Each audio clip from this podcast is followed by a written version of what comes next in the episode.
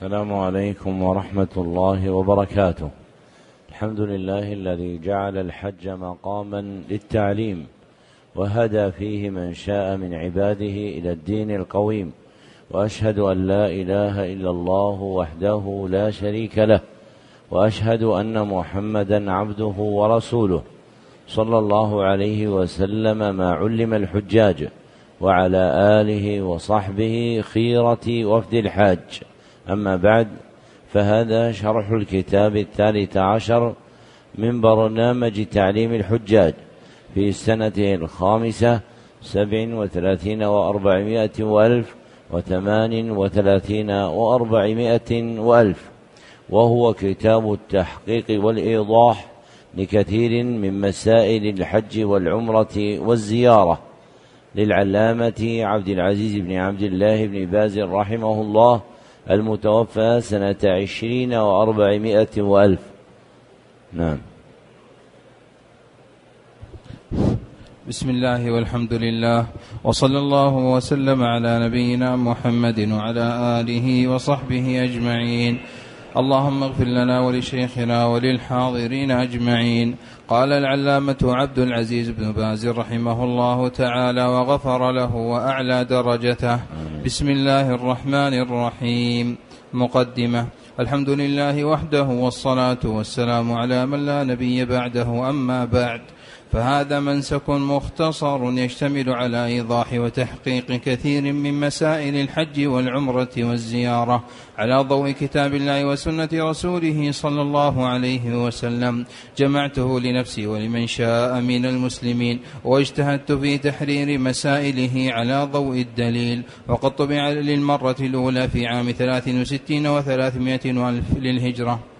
على نفقة جلالة الملك عبد العزيز بن عبد الرحمن الفيصل قدس الله روحه وأكرم مثواه. ثم إني بسطت مسائله بعض البسط وزدت فيه من التحقيق من التحقيقات ما تدعو وزدت فيه من التحقيقات ما تدعو له الحاجة. ورأيت إعادة طبعه لينتفع به من شاء الله من العباد وسميته التحقيق والإيضاح لكثير من مسائل الحج والعمرة والزيارة على ضوء الكتاب والسنة ثم أدخلت فيه زيادات أخرى مهمة وتنبيها وتنبيهات مفيدة تكميلا للفائدة وقد طبع غير مرة وأسأل الله أن يعمم النفع به وأن يجعل السعي فيه خالصا لوجهه الكريم وسببا للفوز لديه في جنات النعيم فإنه حسبنا ونعم الوكيل. ولا حول ولا قوة إلا بالله العلي العظيم. المؤلف عبد العزيز بن عبد الله بن باز مفتي عام المملكة العربية السعودية ورئيس هيئة كبار العلماء وإدارة البحوث العلمية والإفتاء. اتفق المتكلمون في العلم أن المقدمات العلمية فيه اثنتان.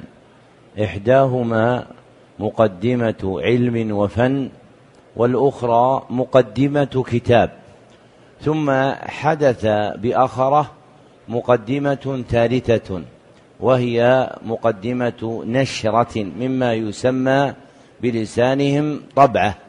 فالمصنف رحمه الله جعل بين يدي كتابه مقدمتين إحداهما مقدمة نشرة وهي المقروءة آنفا والأخرى مقدمة كتاب وهي الآتية بعد. فأما مقدمته النشرة فابتدأها بالبسملة ثم ثنى بالحمدلة ثم ثلث بالصلاة والسلام على محمد صلى الله عليه وسلم. وهؤلاء الثلاث من آداب التصنيف اتفاقا. فمن صنف كتابا استحب له أن يستفتحه بهن. وجرى عامة المصنفين على ذكر الصلاة والسلام على الآل والصحب مع الصلاة والسلام عليه صلى الله عليه وسلم.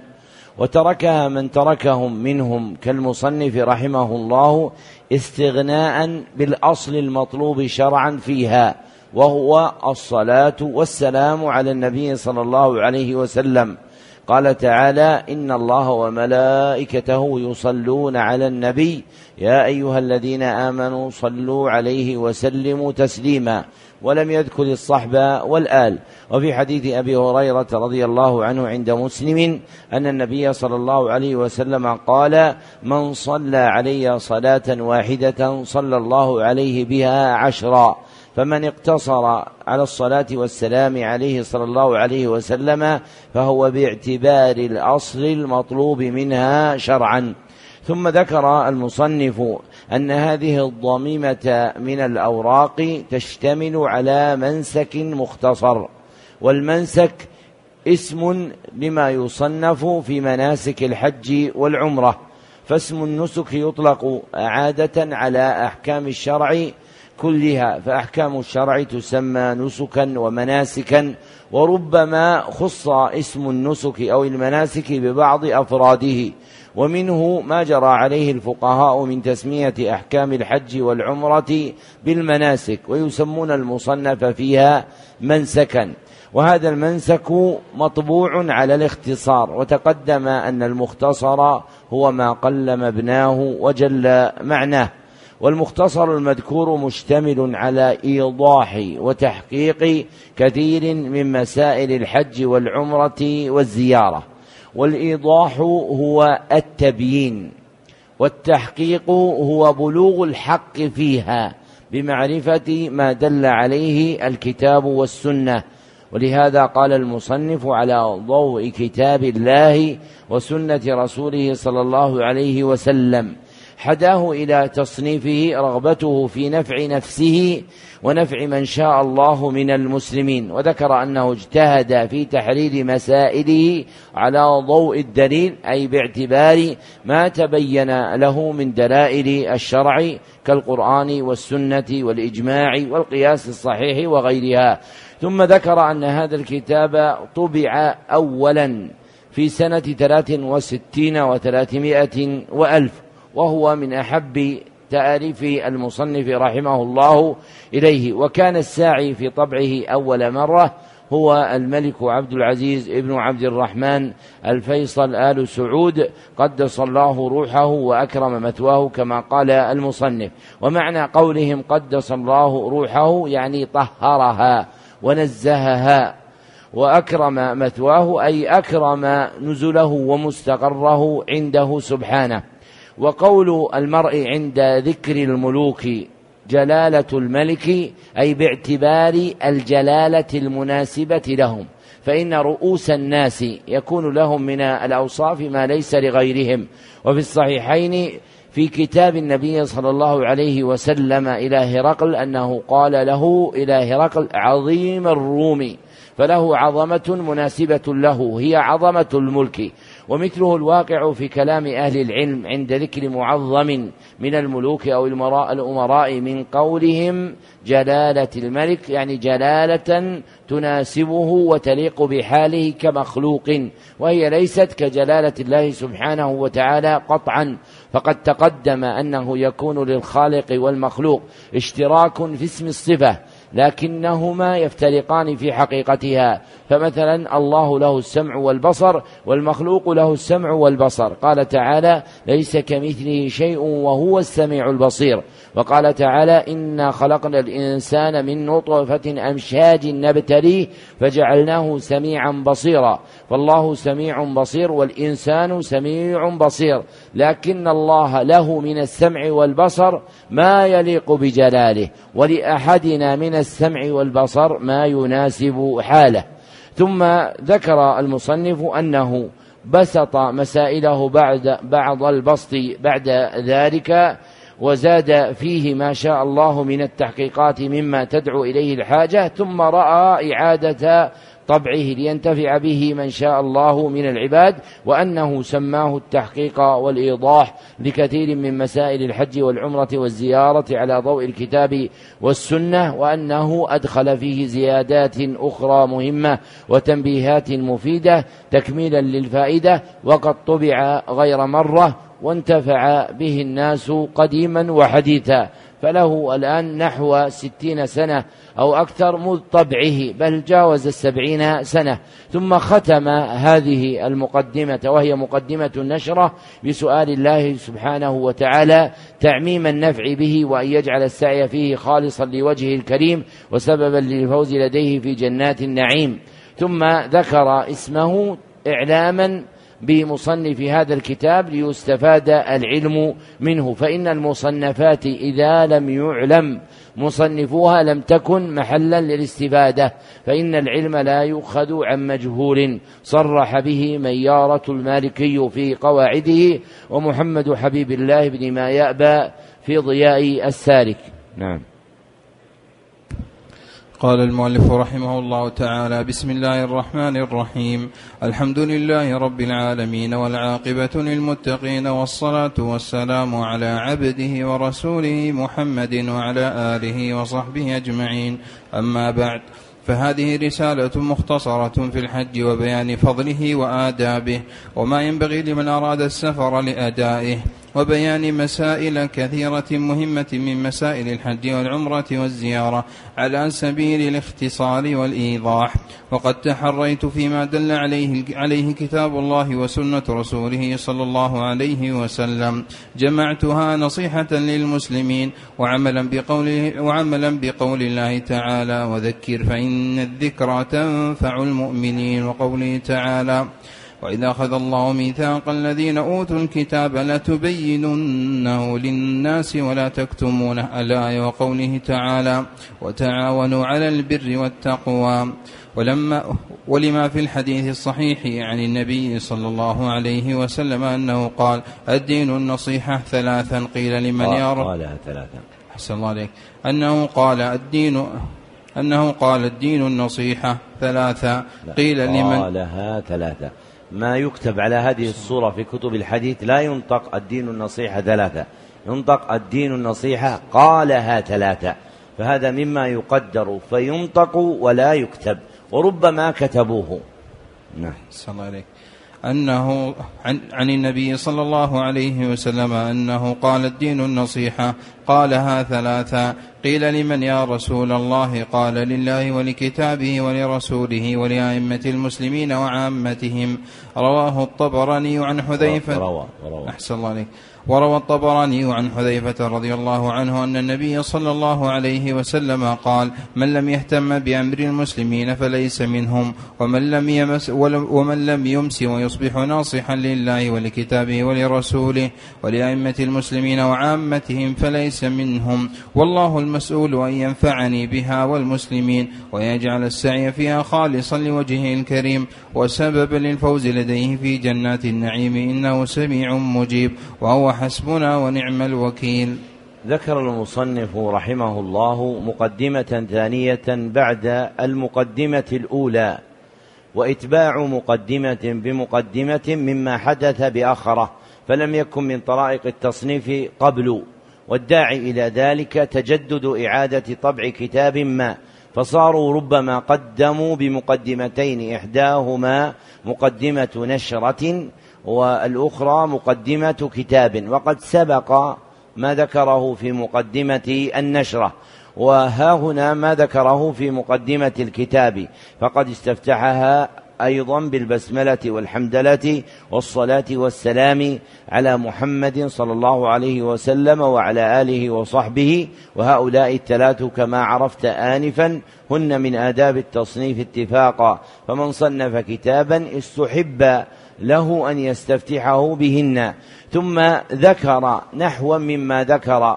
في مقدمة النشرة من كون هذا المنسك رسالة مختصرة في الحج وبيان فضله وآدابه وما ينبغي لمن أراد السفر لأدائه وبيان مسائل كثيرة مهمة من مسائل الحج والعمرة على سبيل الاختصار والإيضاح. ثم ذكر الداعي له في وضع هذا الكتاب وهو إرادة نصيحة المسلمين فإن النصح ميثاق نبوي ومن طريقة أهل السنة أنهم يدينون بالنصح للأمة كما ذكره شيخ شيوخنا ابن سعدي في اعتقاده المنشور في أول كتابه منهج السالكين. ومن جملة نصح الأمة تعليمهم دين الله سبحانه وتعالى. وذكر المصنف في تقرير هذا من الآية والأحاديث ما يدل عليه كقوله تعالى وذكر فإن الذكرى تنفع المؤمنين فأولى الناس وأحراهم بأن يتذكروا ويدكروا فينتفعوا بما يلقى إليهم من العلم هم المؤمنون. وقوله تعالى وإذا أخذ الله ميثاق الذين أوتوا الكتاب لتبيننه للناس ولا تكتمونه فالعلم الذي يعطاه العبد ناله بفضل الله ومحض نعمته فقواه الظاهرة. مهما بلغت لا قدرة لها على تحصيل العلم إلا بعون وتسديد وتوفيق من الله. فالله هو الذي أسدى إليك هذه النعمة ومن حق هذه النعمة أن تقوم بما وجب عليك من إيضاح الدين وبيانه وبلاغه إلى أهله. ثم ذكر قوله تعالى وتعاونوا على البر والتقوى ومن أعظم التعاون على البر والتقوى الاجتماع في مجالس العلم. تعليما وتعلما وهذه من خصال المؤمنين فإنهم يحرصون على تعلم دينهم وتعليمه ويبذلون ذلك بعضهم لبعض لأن هذا من جملة ما خصوا به من أسباب النجاة وهو التواصي بالحق. قال تعالى إن الإنسان لفي خسر إلا الذين آمنوا وعملوا الصالحات وتواصوا بالحق وتواصوا بالصبر. فإن من جملة التواصي بالحق الاجتماع على العلم تعلما وتعليما فيكون من المؤمنين من هو معلم ينشر الخير ومنهم من هو متعلم يلتمس حصول الخير في نفسه. ثم ذكر الحديث المشهور عن تميم الداري رضي الله عنه أن النبي صلى الله عليه وسلم قال الدين النصيحة. قيل لمن يا رسول الله؟ قال لله ولكتابه ولرسوله ولأئمة المسلمين وعامتهم. رواه مسلم بهذا اللفظ. ووقعت رواية الثلاث عند الترمذي وغيره وهي غير محفوظة. فالمحفوظ في الحديث أنه صلى الله عليه وسلم قاله مرة واحدة. وفيه الأمر ببذل النصيحة لأئمة المسلمين وعامتهم ومن جملة ذلك تعليمهم العلم وإرشادهم إلى الخير. ثم ذكر حديث حذيفة بن اليمان رضي الله عنهما الذي رواه الطبراني في المعجم الكبير أن النبي صلى الله عليه وسلم قال من لم يهتم بأمر المسلمين فليس منهم ومن لم يمس ويصبح ناصحا لله ولكتابه ولرسوله ولأئمة المسلمين وعامتهم فليس منهم. وإسناده ضعيف. ومعناه صحيح فقد تكاثرت فيه الآيات والأحاديث كقوله تعالى والمؤمنون والمؤمنات بعضهم أولياء بعض. وقوله صلى الله عليه وسلم المؤمن للمؤمن كالبنيان يشد بعضه بعضا. متفق عليه من حديث أبي موسى الأشعري رضي الله عنه وقوله صلى الله عليه وسلم مثل المؤمنين في توادهم وتراحمهم وتعاطفهم كمثل الجسد إذا اشتكى منه عضو تداعى له سائر الجسد بالحمى والسهر متفق عليه من حديث النعمان بن بشير رضي الله عنهما. فهذه الدلائل في معنى هذا الحديث من أن حق المسلمين بعضهم على بعض مما يرجع إلى توليهم بعضهم بعضا أن ينصح بعضهم بعضا ويهتم بعضهم بأمر بعض وأعظمه بث العلم بينهم والحرص على تعليمهم. ثم ختم بما ختم به مقدمته السابقة من الدعاء بالنفع له وللمسلمين وأن يكون هذا من السعي الخالص لوجهه الكريم والسبب لأن يكون فوزا لديه في جنات النعيم. نعم. قال رحمه الله فصل فصل في أدلة وجوب الحج والعمرة والمبادرة إلى أدائهما. إذا عرف هذا فاعلموا وفقني الله وإياكم. فاعلموا وفقني الله وإياكم لمعرفة الحق واتباعه أن النبي صلى الله عليه وسلم قد أوجب أن الله تعالى قد أن الله عز وجل قد أوجب على عباده حج بيته الحرام. وجعله أحد أركان الإسلام. قال الله تعالى ولله على الناس حج البيت من استطاع إليه سبيلا. ومن كفر فإن الله غني عن العالمين. وفي الصحيحين عن ابن عمر رضي الله عنهما أن النبي صلى الله عليه وسلم قال بني الإسلام على خمس شهادة أن لا إله إلا الله وأن محمدا رسول الله وإقام الصلاة وإيتاء الزكاة وصوم رمضان وحج بيت الله الحرام. وروي عن سعيد وروى سعيد في سننه وروى سعيد في سننه عن عمر بن الخطاب رضي الله عنه أنه قال لقد هممت أن أبعث رجالا إلى هذه الأمصار فينظر كل من كان له جدة ولم يحج ليضرب عليهم الجزية ليضرب عليهم الجزية ما هم بمسلمين. وروي عن علي رضي الله عنه أنه قال من قدر على الحج فتركه فلا عليه أن يموت يهوديا أو نصرانيا ويجب على من لم يحج وهو يستطيع الحج أن يبادر إليه. لما روي عن ابن عباس رضي الله عنه أن النبي صلى الله عليه وسلم قال تعجلوا إلى الحج يعني الفريضة فإن أحدكم لا يدري ما يعرض له. رواه أحمد ولأن أداء الحج واجب على الفور في حق من في حق من استطاع السبيل إليه. لظاهر قوله تعالى ولله على الناس حج البيت من استطاع إليه سبيلا ومن كفر فإن الله غني عن العالمين وقول النبي صلى الله عليه وسلم في خطبته أيها الناس إن الله فرض عليكم الحج فحجوا أخرجه مسلم وقد وردت أحاديث تدل على وجوب العمرة منها قوله صلى الله عليه وسلم في جوابه لجبرائيل لما سأله عن الإسلام. قال صلى الله عليه وسلم الإسلام أن تشهد أن لا إله إلا الله وأن محمد رسول الله وتقيم الصلاة وتؤتي الزكاة وتحج البيت وتعتمر. وتغتسل من الجنابة وتتم, وتتم الوضوء وتصوم رمضان. أخرجه ابن خزيمة والدار قطني من حديث عمر بن الخطاب رضي الله عنه وقال الدار قطني هذا إسناد ثابت صحيح. ومنها حديث عائشة رضي الله عنها أنها قالت يا رسول الله هل على النساء من جهاد قال عليهن جهاد لا قتال فيها الحج والعمرة. أخرجه أحمد وابن ماجه بإسناد صحيح. ولا يجب الحج والعمرة في العمر إلا مرة واحدة. لقول النبي صلى الله عليه وسلم في الحديث الصحيح الحج مرة فمن زاد فهو تطوع ويسن الإكثار من الحج والعمرة تطوعا. لما ثبت في الصحيحين عن أبي هريرة رضي الله عنه قال قال رسول الله صلى الله عليه وسلم العمرة إلى العمرة كفارة لما بينهما والحج المبرور ليس له جزاء إلا الجنة. شرع المصنف رحمه الله يبين ما قصده من نصح المسلمين من بيان أحكام الحج والعمرة ونظم ذلك في فصول متتابعة. ابتدأها بهذا الفصل في أدلة وجوب الحج والعمرة والمبادرة إلى أدائهما. فأخبر أن الله أوجب على عباده حج بيته الحرام وجعله أحد أركان الإسلام. وذكر قول الله تعالى ولله على الناس حج البيت من استطاع إليه سبيلا. الآية وهي أصل في وجوب الحج على الناس. من وجهين أحدهما في قوله تعالى ولله على الناس. فهذا البناء وهو الإتيان بحرف على في خطاب الشرع يدل على إرادة الإيجاب.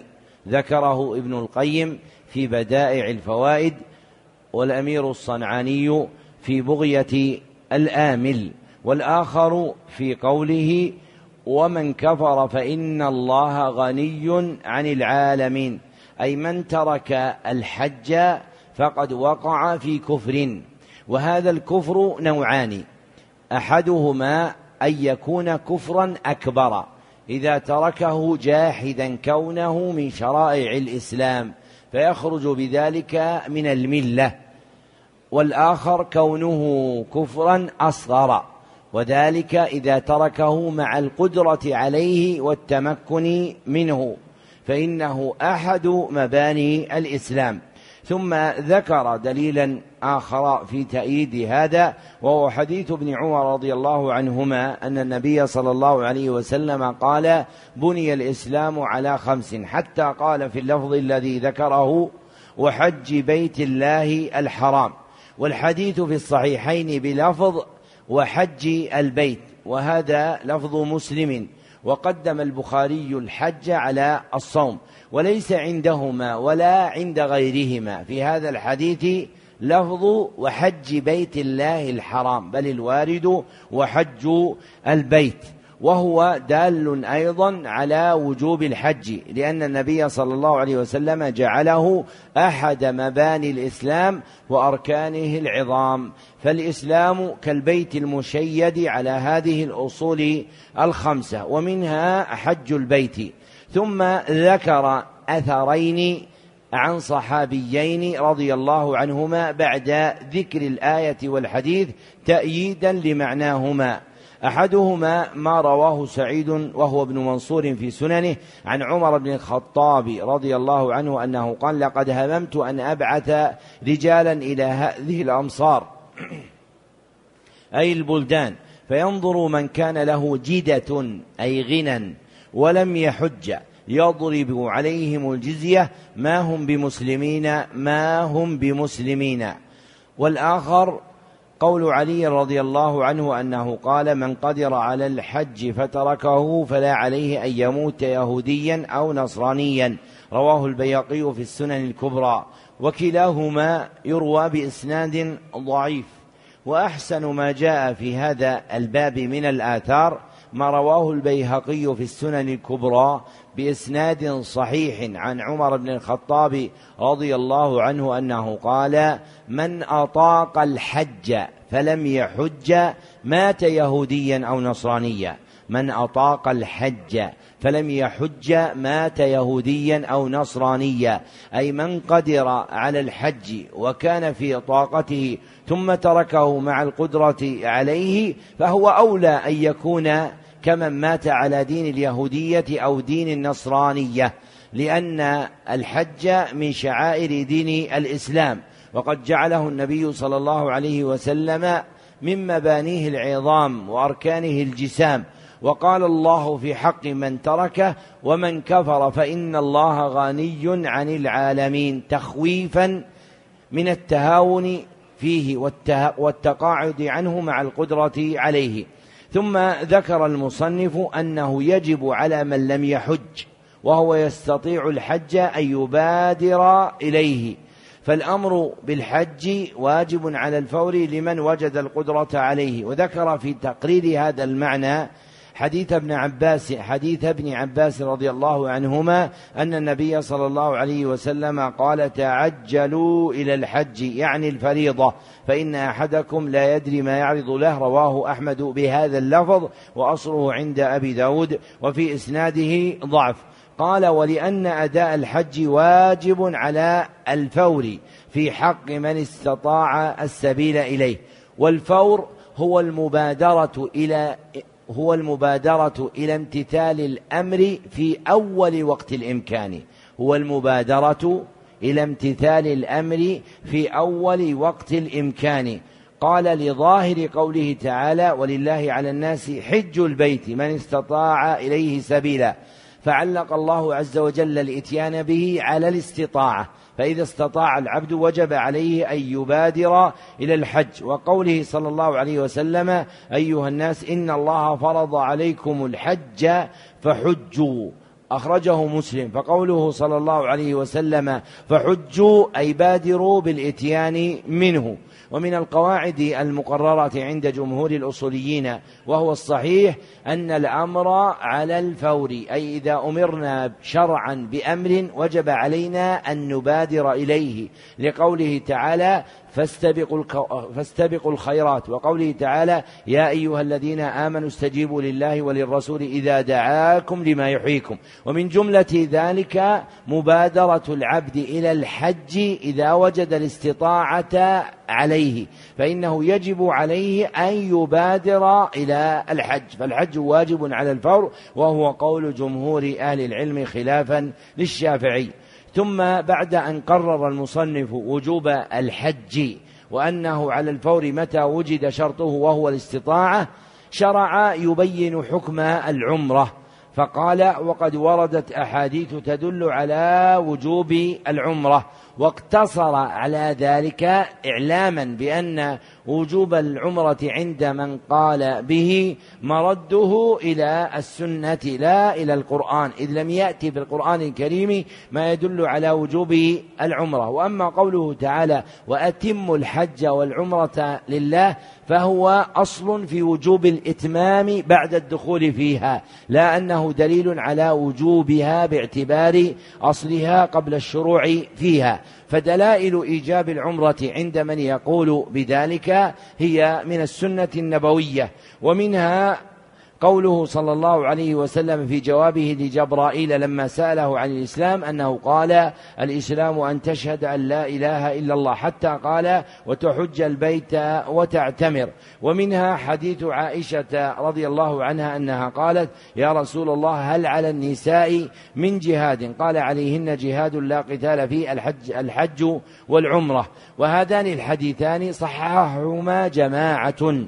وهما كذلك باعتبار الإسناد. أما باعتبار السلامة من العلة فالحديثان المذكوران مشتملان على علة وهي أن كل واحد منهما مروي بإسناد أصح مخرج في الصحيح إما عند البخاري ومسلم كالحديث الثاني أو عند مسلم فقط كالحديث الأول. وليس في لفظ الصحيحين ذكر العمرة. فالأحاديث الواردة في التصريح بإيجاب العمرة لا يسلم شيء منها من العلة فذكر العمرة فيها شاذ لا يثبت. والحجة في وجوب العمرة ما صح من الآثار عن الصحابة في إيجاب ذلك. فقد ثبت القول بوجوب العمرة عن جماعة منهم جابر بن عبد الله وعبد الله بن عباس رضي الله عنهما. فالعمرة واجبة بحجة الآثار الواردة عن الصحابة ومن طريقة أهل السنة تعظيم آثار الصحابة واتباعها. فالحج واجب بنص القرآن والسنة والإجماع. وأما العمرة فهي واجبة بنص السنة عند قوم من القائلين بالإيجاب أو بنص الآثار الواردة عن الصحابة عند قوم آخرين يضاعفون الأحاديث الصريحة ويحتجون بالآثار الواردة عن الصحابة رضي الله عنهم. وقال جماعة من أهل العلم إن العمرة ليست واجبة والأظهر صحة القول بوجوبها. ثم ذكر المصنف أنه مع القول بوجوب الحج والعمرة فإنهما لا يجبان في العمر إلا مرة واحدة. وذكر حديثا في هذا وهو قوله صلى الله عليه وسلم الحج مرة فما زاد فهو تطوع رواه أحمد بهذا اللفظ. والحديث في الصحيح وليس فيه ذكر فمن زاد فهو تطوع. وإنما فيه أن النبي صلى الله عليه وسلم قال إن الله كتب عليكم الحج فحجوا. فقال رجل أفي كل عام يا رسول الله فقال لو قلت نعم لوجبت. فهذا الحديث هو المحفوظ بهذا اللفظ وليس فيه لفظ الحج مرة فمن زاد فهو تطوع. وانعقد الإجماع على هذا. فأهل العلم مجمعون أن الواجب في الذمة من الحج والعمرة أن يأتي به العبد مرة واحدة في عمره. فما زاد عن ذلك فهو تطوع كما قال المصنف ويسن الإكثار من الحج والعمرة تطوعا أي حال كون ذلك تطوع. والتطوع تفعل من الطاعة أي أنه استكثار منها. والعبد مأمور بأن يستكثر من الخيرات وأن يديم فعلها. ومن الأدلة ما جاء في الحث على إكثار نوع منها كالأدلة الواردة في الحث على الإكثار من الحج والعمرة. ومنها حديث أبي هريرة رضي الله عنه أن النبي صلى الله عليه وسلم قال العمرة إلى العمرة كفارة لما بينهما. أي ما اجتنبت الكبائر. فإذا اجتنب العبد الكبائر وتابع بين العمرة والعمرة كان ذلك كفارة له. وأما الكبائر فلا بد فيها من توبة خاصة. وانعقد الإجماع على هذا المعنى. ذكره ابن عبد البر وابن رجب وغيرهما. فإليه ترد الأحاديث الواردة في تكفير الذنوب بالأعمال الصالحة أن المراد بها الصغائر. وأما الكبائر فلا بد فيها من توبة خاصة. ثم ذكر قوله صلى الله عليه وسلم تتمة للحديث والحج المبرور ليس له جزاء إلا الجنة والحج المبرور هو المطبوع على البر الموصوف به وبر الحج نوعان. أحدهما بر مع الخالق بحسن الديانة والآخر بر مع المخلوق بحسن المعاملة. أحدهما بر مع الخالق بحسن الديانة والآخر بر مع المخلوق بحسن المعاملة. فبر الحاج في حجه بحسن الديانة مع ربه أن يأتي بهذا الحج على ما جاء به النبي صلى الله عليه وسلم وأن يحرص في أيام حجه على ملازمة الطاعات الواجبة عليه مع الاستكثار من النوافل وأن يباعد المعاصي. وأما حسن المعاملة مع المخلوقين فهو استعمال الخلق الحسن معهم. فمن اجتمع له بر مع الخالق وبر مع المخلوق بحسن الديانة والمعاملة في حجه صار حجه مبرورا. فهو أحق الناس بالجزاء المذكور في قوله صلى الله عليه وسلم والحج المبرور ليس له جزاء إلا الجنة. ومن نقص حظه منهما نقص حظه من بر من بر الحج والوعد عليه بالجنة. جعل الله وإياكم من أهلها. نعم. قال رحمه الله فصل في وجوب التوبة من المعاصي والخروج من المظالم. إذا عزم المسلم على السفر إلى الحج أو العمرة استحب له أن يوصي أهله وأصحابه بتقوى الله عز وجل وهي فعل أوامره واجتناب نواهيه وينبغي أن يكتب ما له وما عليه من الدين ويشهد على ذلك ويجب عليه المبادرة إلى التوبة النصوح من جميع الذنوب لقوله تعالى وتوبوا إلى الله جميعا أيها المؤمنون لعلكم تفلحون وحقيقة التوبة الإقلاع من الذنوب وتركها والندم على ما مضى منها والعزيمة على عدم العود فيها. وإن كان عنده للناس مظالم من نفس أو مال أو عرض ردها إليهم أو تحل لهم منها قبل سفر لما صح عنه صلى الله عليه وسلم أنه قال من كانت عنده مظلمة لأخيه من مال أو عرض فليتحلل اليوم. فليتحلل اليوم قبل أن لا يكون دينار ولا درهم وإن كان له عمل صالح أخذ منه بقدر مظلمته وإن لم تكن له حسنات أخذ من سيئات صاحبه فحمل عليه.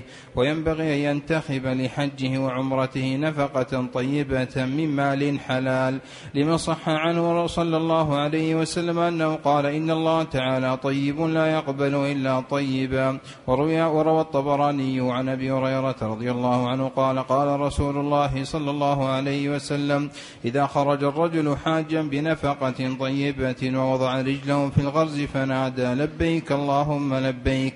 نادى مناد من السماء لبيك وسعديك زادك حلال وراحلتك حلال وحجك مبرور غير مأزور وإذا خرج الرجل بالنفقة الخبيثة فوضع رجله في الغرز فنادى لبيك اللهم لبيك. ناداه مناد من السماء لا لبيك ولا سعديك. زادك حرام ونفقتك حرام وحجك غير مبرور. وينبغي للحاج الاستغناء عما في أيدي الناس والتعفف عن سؤالهم لقوله صلى الله عليه وسلم ومن يستعفف عفه الله ومن يستغني يغنه الله وقوله وقوله صلى الله عليه وسلم لا يزال الرجل يسأل الناس حتى يأتي يوم القيامة وليس ليس في وجهه مزعة لحم. ويجب على الحاج أن يقصد بحجه وعمرته وجه الله والدار الآخرة والتقرب إلى الله بما يرضيه من الأقوال والأعمال. في تلك المواضع الشريفة ويحذر كل الحذر من يقصد بحجه الدنيا وحطامها أو الرياء والسمعة والمفاخرة بذلك. فإن ذلك من أقبح المقاصد وسبب لحبوط العمل وعدم قبوله. كما قال تعالى من كان يريد الحياة الدنيا وزينتها نوفي إليهم أعمالهم فيها وهم فيها لا يبخسون. أولئك الذين ليس لهم في الآخرة إلا النار وحبط ما صنعوا فيها وباطل ما كانوا يعملون. وقال تعالى من كان يريد العاجلة عجلنا له فيها ما نشاء لمن نريد ثم جعلنا له جهنم يصلاها مذموما مدحورا. ومن أراد الآخرة وسعى لها سعيها وهو مؤمن فأولئك كان سعيهم مشكورا. وصح عنه صلى الله عليه وسلم أنه قال قال الله تعالى أنا أغنى الشركاء عن الشرك من عمل عملا أشرك معي فيه غيري تركته وشركه. وينبغي له أيضا أن يصحب في, سفر في سفره الأخيار من أهل الطاعة والتقوى والفقه في الدين ويحذر من صحبة السفهاء والفساق. وينبغي له أن يتعلم ما يشرع له في حجه وعمرته ويتفقه في, في ذلك. ويسأل عما أشكل عليه ليكون على بصيرة فإذا ركب دابته أو سيارته أو طائرته أو غيرها من المركوبات استحب له أن يسمي الله سبحانه وبحمده. سبحانه استحب له أن يسمي الله سبحانه ويحمده ثم يكبر ثلاثا ويقول سبحان الذي سبحان الذي سخر لنا هذا وما كنا له مقرنين وإنا إلى ربنا لمنقلبون. اللهم إني أسألك في سفري هذا البر والتقوى ومن العمل ما ترضى. اللهم هون علينا سفرنا هذا واطوي عنا بعده.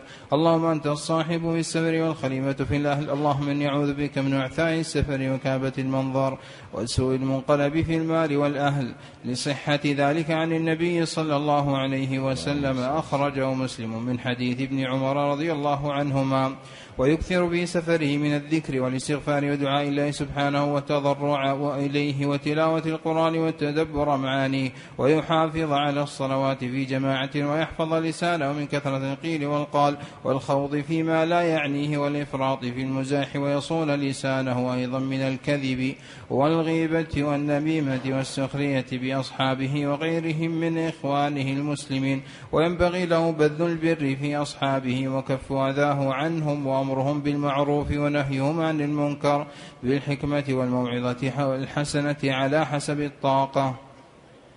ذكر المصنف رحمه الله فصلا آخر من فصول كتابه ترجم له بقوله فصل في وجوب التوبة من المعاصي والخروج من المظالم.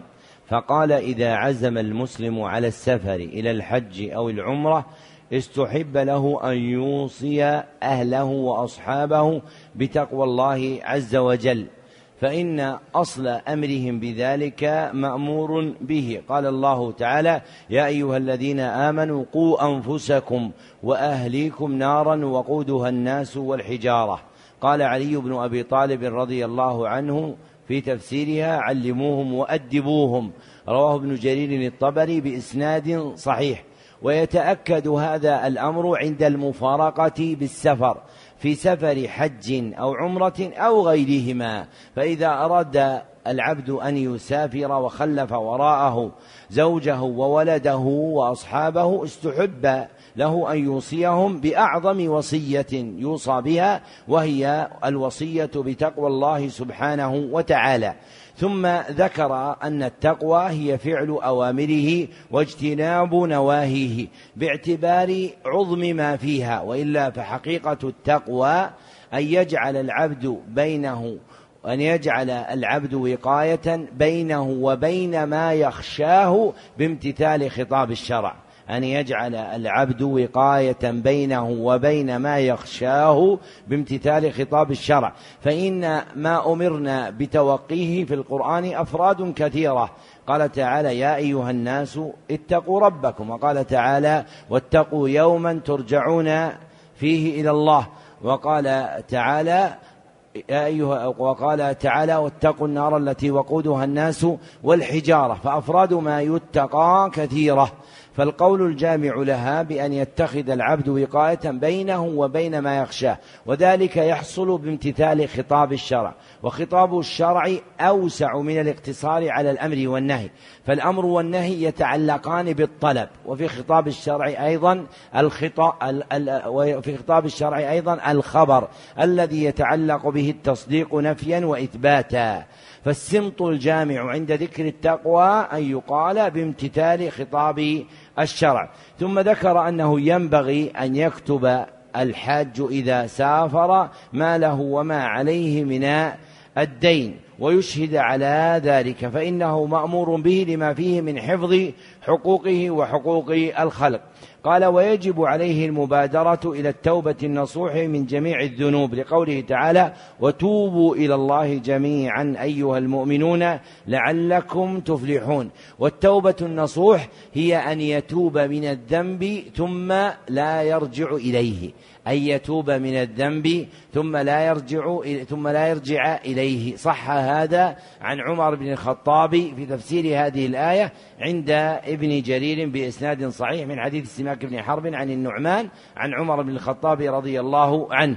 فتوبتك النصوح أن تتوب من الذنب ثم لا ترجع إلى هذا الذنب. ثم ذكر حقيقة التوبة فقال وحقيقة التوبة الإقلاع من الذنوب وتركها والندم على ما مضى منها والعزيمة على عدم العود فيها. وهذه الأمور المذكورة هي شروط التوبة وهو تفسير للشيء بلازم ما يكون به وهو الشروط. وأما حقيقة التوبة شرعا فهي الرجوع إلى الله. فأصل التوب الرجوع. وإذا كان إلى الله فإن التوبة تصير هي فإن التوبة تصير الرجوع إلى الله عز وجل. وهذا الرجوع يتحقق بشروط ثلاثة هي المذكورة في كلامه. أولها الإقلاع من الذنب وتركه.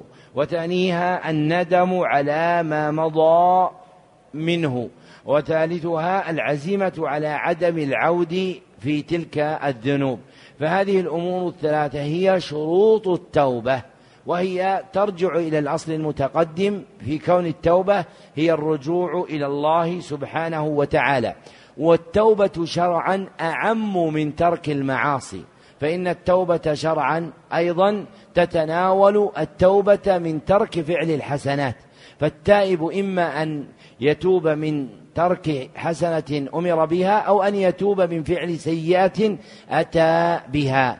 وذكر المصنف أنه إن كان عنده للناس مظالم من نفس أو مال أو عرض ردها إليهم وتحللهم منها قبل سفره والمراد بالتحلل أن يجعلوه في حل أي في عفو ومسامحة. أن يجعلوه في حل أي في عفو ومسامحة. وطلب الحل يتأكد في موضعين. أحدهما عند رد المظالم. أحدهما عند رد المظالم فإذا رد إلى أحد مظلمة كأن يكون أساء إليه بقول أو فعل أو بأخذ مال سأله التحلل. والآخر عند الموت لما رواه البخاري من حديث المغيرة من حديث لما رواه البخاري من حديث جرير بن عبد الله البجلي رضي الله عنه أنه لما مات المغيرة بن شعبة وكان أميرا على الكوفة قال أيها الناس استعفوا لأميركم فإنه كان يحب العفو. أي اطلبوا له العفو. هذه هي حقيقة التحلل. فإذا رد الإنسان مظلمة تحلل وإذا مات طلب له العفو والمسامحة.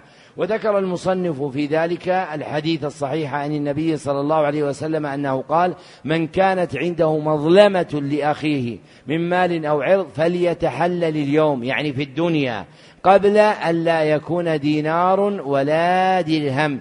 إن كان له عمل صالح أخذ منه بقدر مظلمته وإن لم تكن له حسنات أخذ من سيئات صاحبه فحمل عليه. وقد جعل بعض أهل العلم هذا شرطا رابعا من شروط التوبة بأن يرد المظالم إلى أهلها ويتحلل منهم. والصحيح أنه راجع إلى الإقلاع عن الذنوب وتركها فهو مندرج في جملة الشرط الأول. ثم ذكر أنه ينبغي أن ينتخب أن يختار لحجه وعمرته نفقة طيبة من مال حلال. لما صح عنه صلى الله عليه وسلم قال إن الله تعالى طيب لا يقبل إلا طيبا. فإذا أراد الخروج إلى حج أو عمرة تحرى نفقة طيبة وخلص نفسه من النفقات المحرمة. وذكر حديثا آخر خاص وذكر حديثا آخر خاصا في النسك وهو حديث أبي هريرة أنه قال قال رسول الله صلى الله عليه وسلم إذا خرج الرجل حاجا بنفقة طيبة ووضع رجله في الغرز أي موضع الركوب من دابته فنادى لبيك اللهم لبيك ناداه مناد من السماء لبيك وسعديك زادك حلال وراحلتك حلال وحجك مبرور غير مأزور وإذا خرج الرجل بالنفقة الخبيثة فوضع رجله في الغرز فنادى لبيك اللهم لبيك نادى مناد من السماء لا لبيك ولا سعديك زادك حرام ونفقتك حرام وحجك غير مبرور وفي إسناده ضعف لكن الحديث المتقدم يصدقه في قوله صلى الله عليه وسلم إن الله طيب لا يقبل إلا طيبا. مما حدا بعض أهل العلم إلى القول ببطلان حج من حج بمال حرام. وإن كان الصواب أنه لا يبطل حجه لكن يأثم إثما عظيما فيصح حجه مع نقصان أجره. ويكفي في تقبيح هذا وتعظيمه أن أهل العلم مختلفون في صحة حج من حج بمال حرام مما يدعو العبد إلى تحري نفقته التي يحج بها أو يعتمر أن تكون نفقة طيبة. ثم ذكر أنه ينبغي للحاج الاستغناء عما في أيدي الناس والتعفف عن سؤالهم لقوله صلى الله عليه وسلم ومن يستعفف يعفه الله ومن يستغني يغنه الله. وقوله صلى الله عليه وسلم لا يزال الرجل يسأل الناس حتى يأتي يوم القيامة وليس في وجهه مزعة لحم متفق عليهما. فهما حديثان صحيحان في النهي عن سؤال الناس. فينبغي أن يتحرى الحاج أن يستغني بالله سبحانه وتعالى عن سؤال غيره. وإن من الحياء منه سبحانه. أن تأتي إلى بلد الله الحرام وتطوف ببيته الحرام ثم تسأل غير الله سبحانه وتعالى شيئا قل أو كثر فالعبد ينبغي له أن يسأل الله. ولهذا أوصى النبي صلى الله عليه وسلم ابن عباس فيما رواه الترمذي بإسناد حسن فقال له إذا سألت فاسأل الله. فينبغي أن ينزع العبد من قلبه سؤال الناس فما نراه من تساهل الناس في طلبهم الطعام أو غيره وأخذه من غيرهم هذا مما ينبغي أن يتعفف عنه المرء فإن القليل مع البركة يكفيك. وإذا سألت الله فإنه يغنيك. وهذا من كمال البر في الحج أن يحرص الإنسان أن يأكل وأن يشرب من نفقته الطيبة فإن هذا أكمل لحجه. وإن أصاب من غيره من دون سؤال كان ذلك مباحا. وأما مع السؤال فإنه يكره. ثم ذكر أنه يجب على الحاج أن يقصد بحجه وعمرته وجه الله. والدار الآخرة والتقرب إلى الله بما يرضيه من الأقوال بما يرضيه من الأقوال والأعمال في تلك المواضع الشريفة. فيكون مقصود العبد من قدومه حاجا أو معتمرا إرادة وجه الله والتقرب إليه سبحانه وتعالى بما يحبه ويرضاه. فيتحرى أن يكون عمله خالصا لله ليكون ذلك سبيلا إلى تقبل الله له وإثابته عليه. ويحذر كل الحذر كما قال المصنف من أن يقصد بحجه الدنيا وحطامها أو الرياء والسمعة والمفاخرة بذلك فإن ذلك من أقبح المقاصد. فالذي يأتي للحج لأجل إصابة شيء من الدنيا وزينتها من مال ونحوه ليرائي ويسمع بنفسه. أو المقصود بالرياء أن يظهر عمله ليراه الناس. والتسميع مثله لكن الفرق بينهما أن الرياء آلته البصر والتسميع والسمعة آلتهما السمع فيتخوف العبد على نفسه من أن يقع شيء من عمله في عمرته أو حجه رياء أو سمعة لأنه إذا كان كذلك كان سببا لحبوط عمله يعني لبطلانه وعدم قبوله من الله سبحانه وتعالى. قال الله تعالى من كان يريد الحياة الدنيا وزينتها نوفي إليهم أعمالهم فيها وهم فيها لا يبخسون. أولئك الذين ليس لهم في الآخرة إلا النار وحبط ما صنعوا فيها وباطل ما كانوا يعملون. وقال تعالى من كان يريد العاجلة يعني الدنيا أعجلنا له فيها ما نشاء لمن نريد ثم جعلنا له جهنم يصلاها مذموما مدحورا أي يعجل له بما ينال من الثواب في الدنيا. وهذا حظ الكافر فقد ثبت بحديث أنس في صحيح مسلم أن الكافرين يجازون بحسناتهم في الدنيا بما ينول بما ينالون من قوة بدن وصحته ورغد عيش.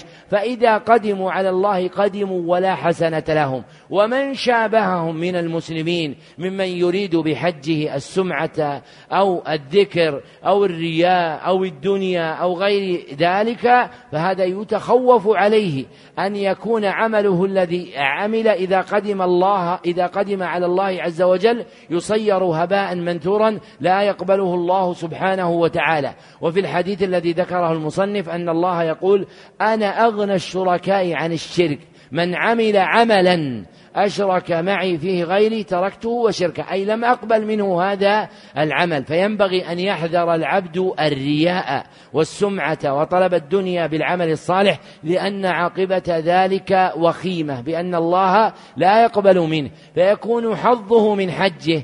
التعب والمشقة والضنك والعناء ثم لا يقبل الله سبحانه وتعالى منه حجه. وكان من مضى يبالغون في إخفاء أعمالهم في الحج والعمرة خوف أن يقع منهم إرادة شيء من الدنيا وحطامها أو إرادة الرياء والتسميع. وأما اليوم فصار ديدان كثير من الناس المبادرة إلى إظهار أعمالهم. وقد بلوا بهذه الأجهزة التي يصور فيها أحدهم نفسه وهو يطوف ويصور نفسه وهو يسعى ويصور نفسه وهو يقرأ القرآن ويصور نفسه وهو, الدعاء وهو يدعو. ومثله في القباحة من تراه يقف متمثلا العبادة وليس كذلك فيأمر أحدا أن يصوره فتراه واقفا والكعبة وراءه وقد جعل كعبة الله في ظهره. ثم يأمر أحدا أن يلتقط له صورة وهو رافع يديه لا ليدعو الله وإنما ليظهر نفسه في صورة الداعي. فأي حال تكون عليها القلب من الظلمة من الغفلة عن تعظيم الله سبحانه وتعالى في هذا المقام وقد قال الله قل أتعلمون الله بدينكم؟ فإذا كان الله سبحانه وتعالى يطلع عليك وأنت تستدبر كعبته وترفع يديك لا لتتعوه وإنما لتصور نفسك فأي منزلة من الخذلان يكون بها العبد أن يحرم من الإقبال على الله ليقبل على صورة لا يدري لعله يستكثر منها. كي تكون عليه شهادة بالوزر والحرمان عند الله سبحانه وتعالى.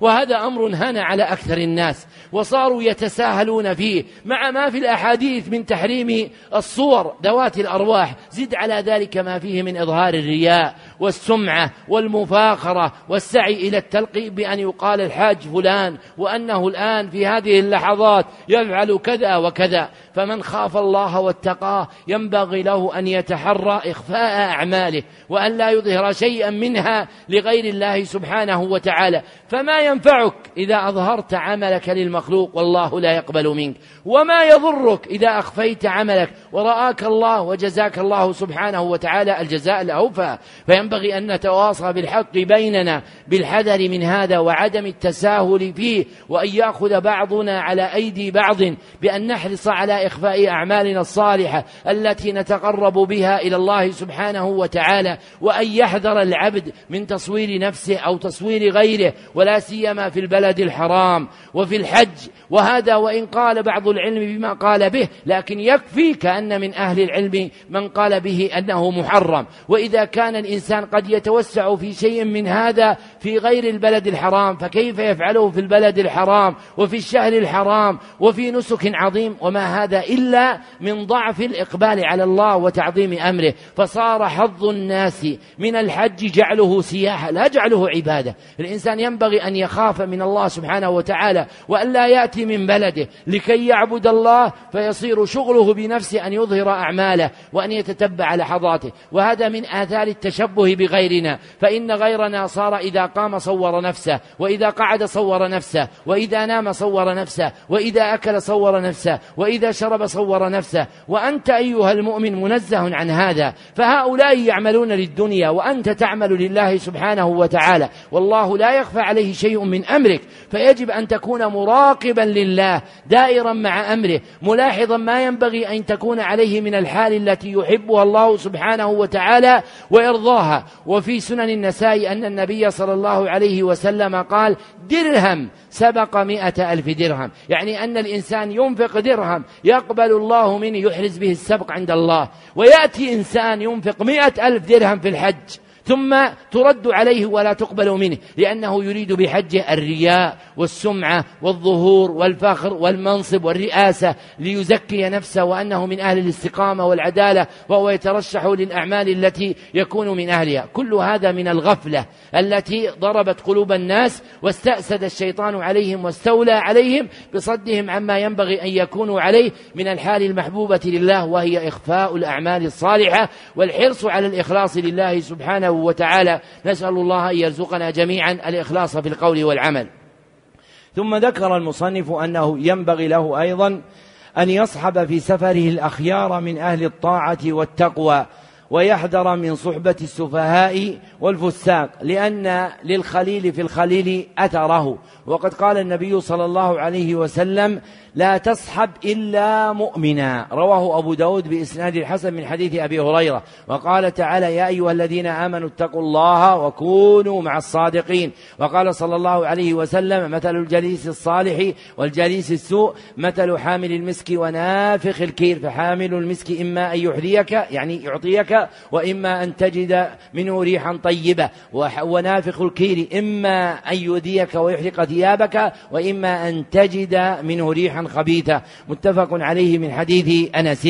ثم قال وينبغي له أن يتعلم ما يشرع له في حجه وعمرته ويتفقه بذلك ويسأل عما أشكل عنه ليكون على بصيرة. فإن العلم بما يجب عليك من العمل واجب وهذا أحسن ما قيل في حد الواجب من العلم وهو اختيار أبي عبد الله بن القيم في مفتاح دار السعادة وقبله الآجري في رسالته في طلب العلم ثم بعده القرافي في الفروق ومحمد علي بن حسين المالك ابن حسين المالكي في تهذيب الفروق.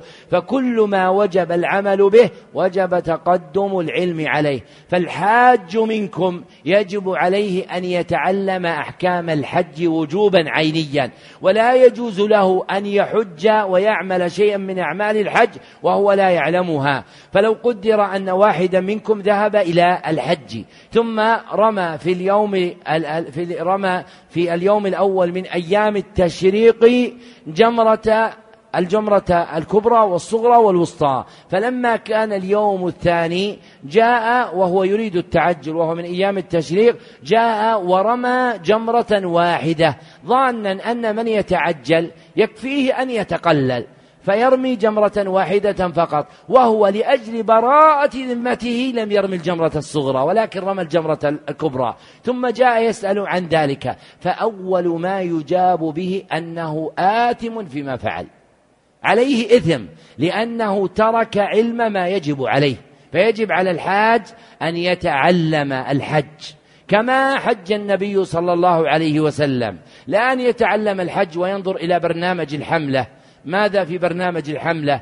يوم عرفة نخرج من عرفة الساعة الثانية عشر في الظهر ونذهب إلى مزدلفة. هذا ليس هدي النبي صلى الله عليه وسلم هذا برنامج الحملة وهي حملة تجارية. لكن هدي النبي صلى الله عليه وسلم أنه كان يبقى حتى تغرب الشمس ثم يدفع بعد ذلك من عرفة. فينبغي الإنسان أن يتحرى تعلم أحكام الحج كما حج إمامه وقدوته محمد صلى الله عليه وسلم. ثم قال المصنف شارعا في ذكر أعمال الحاج من مبتدأ خروجه قال فإذا ركب دابته أو سيارته أو طيارته يعني باعتبار أنه يكون عليها لا باعتبار أنه يملكها فالإضافة صحيحة. قال أو غيرها من المركوبات استحب له أن يسمي الله سبحانه ويحمده. ومراده في قوله أو غيرها من المركوبات أي التي تتخذ وسائل للسفر كالسفن وغيرها. لا مطلق الركوب. فمن الخطأ استعمال هذا الذكر في أي ركوب. كمن يركب المصعد ثم يقول هذا الذكر. فإنه ليس محلا له. لو قيل بأن هذا الذكر يكون ذكرا للركوب في الحضر. فالوالد كونه في السفر. قال استحب له أن يسمي الله ويحمده ثم يكبر ثلاثا ويقول سبحان سبحان الذي سخر لنا هذا وما كنا له مقرنين وإنا إلى ربنا لمنقلبون. اللهم إني أسألك في سفري هذا البر والتقوى إلى تمام الحديث. رواه مسلم بهذا اللفظ. وليس عنده ذكر التسمية ولا الحمد. فهما مرويان عند غيره وهما شاذان. فالمحفوظ في هذا الحديث أن العبد يكبر الله ثلاثا فيقول الله أكبر الله أكبر سبحان الذي سخر لنا هذا وما كنا له مقرنين يعني مطيقين. وإنا, وإنا إلى ربنا لمنقلبون يعني لراجعون.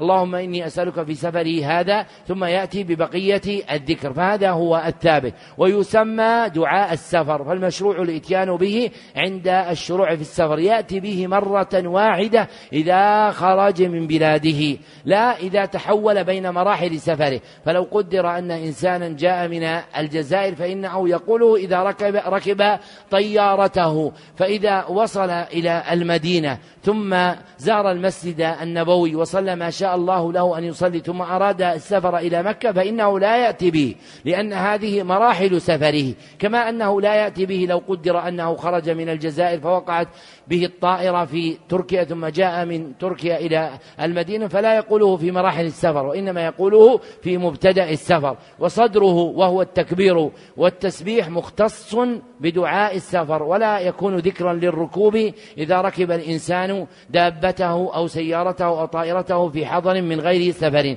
ثم قال ويكثر في سفره من الذكر والاستغفار ودعاء الله سبحانه وتعالى والتضرع إليه وتلاوة القرآن وتدبر معانيه ويحافظ على الصلوات في الجماعة وغير ذلك من أنواع الطاعات لأن من أراد أن يكون حجه مبرورا تحرى فيه البر بحسن الديانة بأن يتبتل أحكام الشرع عامة وخاصة في مناسك الحج.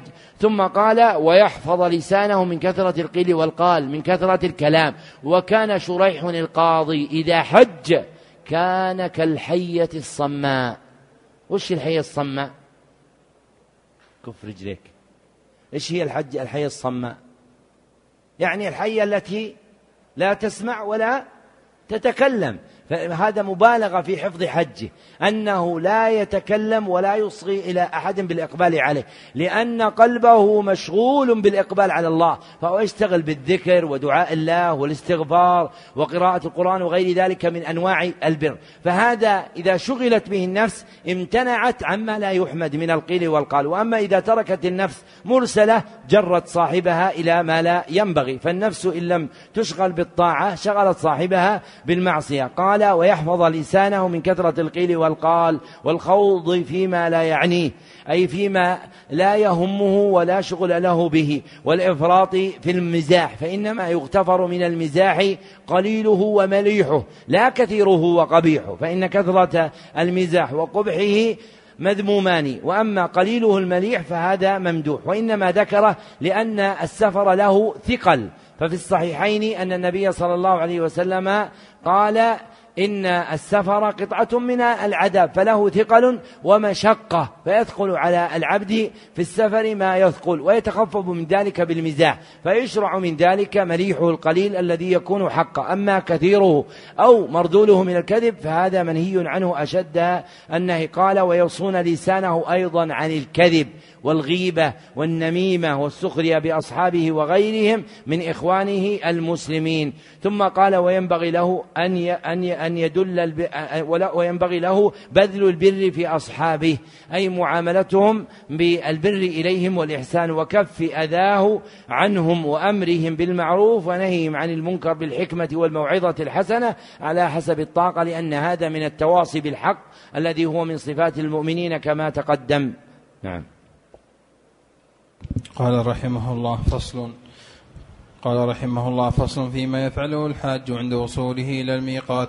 فإذا وصل إلى الميقات استحب له أن يغتسل ويتطيب لما روي أن النبي صلى الله عليه وسلم تجرد من المخيط عند الإحرام واغتسل.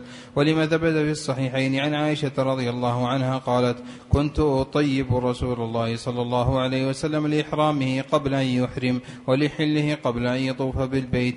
وأمر صلى, وأمر صلى الله عليه وسلم عائشة لما حاضت وقد أحرمت بالعمرة أن تغتسل وتحرم بالحج.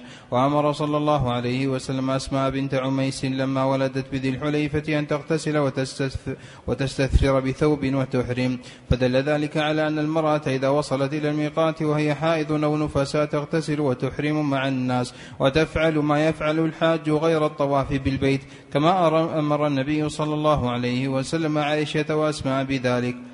ويستحب لمن أراد الإحرام أن يتعاهد شاربه وأظفاره وعانته وإبطيه فيأخذ ما تدعو الحاجة إلى أخذه لئلا يحتاج إلى أخذ ذلك بعد الإحرام وهو محرم عليه. ولأن النبي صلى الله عليه وسلم شرع للمسلمين تعاهد هذه الأشياء في كل وقت كما ثبت في الصحيحين عن أبي هريرة رضي الله عنه قال قال رسول الله صلى الله عليه وسلم الفطرة خمس الختان والاستحداد وقص الشارب وقلم الأظفار ونتف الآباط. وفي صحيح مسلم عن أنس رضي الله عنه قال وقت لنا قال وقت لنا قال وقت لنا في قص الشارب وقلم الأظفار ونتف الإبط وحلق العانة ألا نترك ذلك أكثر من أربعين ليلة. أخرجه النسائي بلفظ أخرجه النسائي بلفظ وقت لنا رسول الله صلى الله عليه وسلم. وأخرجه أحمد أبو داود والترمذي بلفظ النسائي. وأما الرأس فلا يشرع أخذ شيء, شيء, شيء منه عند الإحرام لا في حق الرجال ولا في حق النساء. وأما اللحية فيحرم حلقها وأخذ شيء منها في جميع الأوقات بل يجب إعفاؤها وتوفيرها لما ثبت في الصحيحين. عن ابن عمر رضي الله عنهما قال قال رسول الله صلى الله عليه وسلم خالف المشركين وفروا اللحى وأحف وأحفوا الشوارب.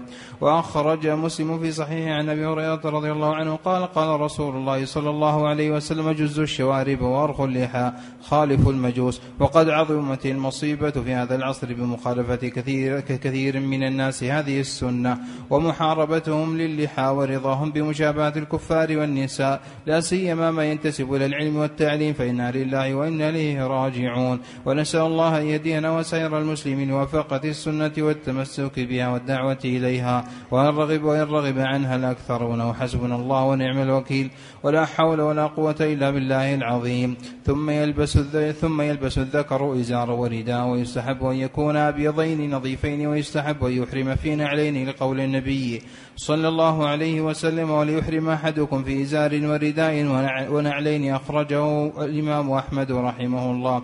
وأما المرأة فيجوز لها أن تحرم فيما شاءت من أسود أو أخضر أو غيرهما مع الحذر من التشبه بالرجال في لباسهم لكن ليس لها أن تلبس النقاب والقفازين حال إحرامها.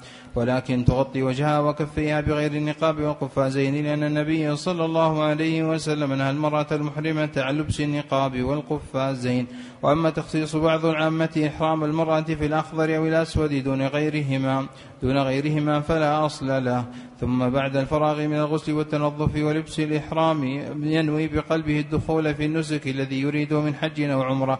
لقول النبي صلى الله عليه وسلم إنما الأعمال بالنية وإنما لكل امرئ ما نوى ويشرع له التلفظ بما نوى فإن كانت نيته العمرة قال لبيك عمرة أو اللهم لبيك عمرة وإن كانت نيته الحج قال لبيك حج أو اللهم لبيك حجا. لأن النبي صلى الله عليه وسلم فعل ذلك وإن نواهما جميعا لبى بذلك.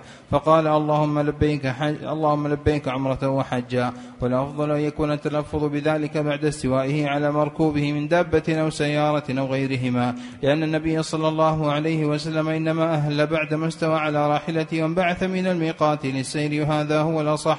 هذا هو الأصح من أقوال أهل العلم ولا يشرع له التلفظ بما نوى في الإحرام خاصة لوروده عن النبي صلى الله عليه وسلم. وأما الصلاة والطواف وغيرهما فلا ينبغي له ألا يتلفظ في شيء شيء منه منها بالنية. فلا يقول نويت أن أصلي كذا وكذا ولا نويت أن أطوف كذا وكذا. بل التلفظ بذلك من البدع المحدثة والجهر بذلك أقبح وأشد إثما. ولو كان التلفظ بالنية مشروعا لبينه الرسول صلى الله عليه وسلم. وأوضحه للأمة بفعله أو قوله ولا سبق إليه السلف الصالح فلما لم ينقل ذلك عن النبي صلى الله عليه وسلم ولا عن أصحابه رضي الله عنهم علم أنه بدعة وقد قال النبي صلى الله عليه وسلم وشر الأمور محدثاتها وكل بدعة ضلالة. أخرجه مسلم في صحيحه. وقال عليه الصلاة والسلام من أحدث في أمرنا هذا ما ليس منه فهو رد متفق على صحته. وفي لفظ لمسلم من عمل عملا ليس عليه أمرنا فهو رد. ذكر المصنف رحمه الله فصلا آخر من فصول كتابه ترجم له بقوله فصل فيما يفعله الحاج عند وصوله إلى الميقات. والميقات اسم للمكان المؤقت شرعا للإحرام منه. اسم للمكان المؤقت شرعا للإحرام منه وسيأتي بيان ذلك في فصل مستقبل. فذكر أنه إذا وصل إلى الميقات استحب له أن يغتسل ويتطيب. وروي في الاغتسال أحاديث ضعيفة لا تثبت عن النبي صلى الله عليه وسلم. وغاية ما في هذا الباب من الأحاديث الصحيحة أن النبي صلى الله عليه وسلم أمر من قام به سبب يحتاج للاغتسال أن يغتسل. كأمره صلى الله عليه وسلم لأسماء بنت عميس رضي الله عنها لما نفست وأمره صلى الله عليه وسلم لعائشة لما حاضت بأن يغتسل. فإذا وجد سبب يدعو إلى ذلك من الكدره والوسخ ونحو ذلك وأكده. الحيض والنفاس شرع له أن يغتسل وإن لم يوجد ذلك كفاه أن يتوضأ. وهو الثابت عن الصحابة. فقد صح عن ابن عمر عند ابن أبي شيبة أنه كان ربما إذا أتى الميقات إذا أراد أن يحرم ربما اغتسل وربما توضأ. فيحمل هذا على معاني الأحاديث بأنه يغتسل إذا وجد سبب يدعو إليه من الوسخ والتغير وسوء الحال. وأما إن لم يكن كذلك كفاه أن يتوضأ. وأما التطيب فصح عنه صلى الله عليه وسلم في الصحيحين. أنه أنه أن عائشة رضي الله عنها كانت تطيب رسول الله صلى الله عليه وسلم لإحرامه قبل أن يحرم يعني قبل دخوله في نسكه بالإحرام.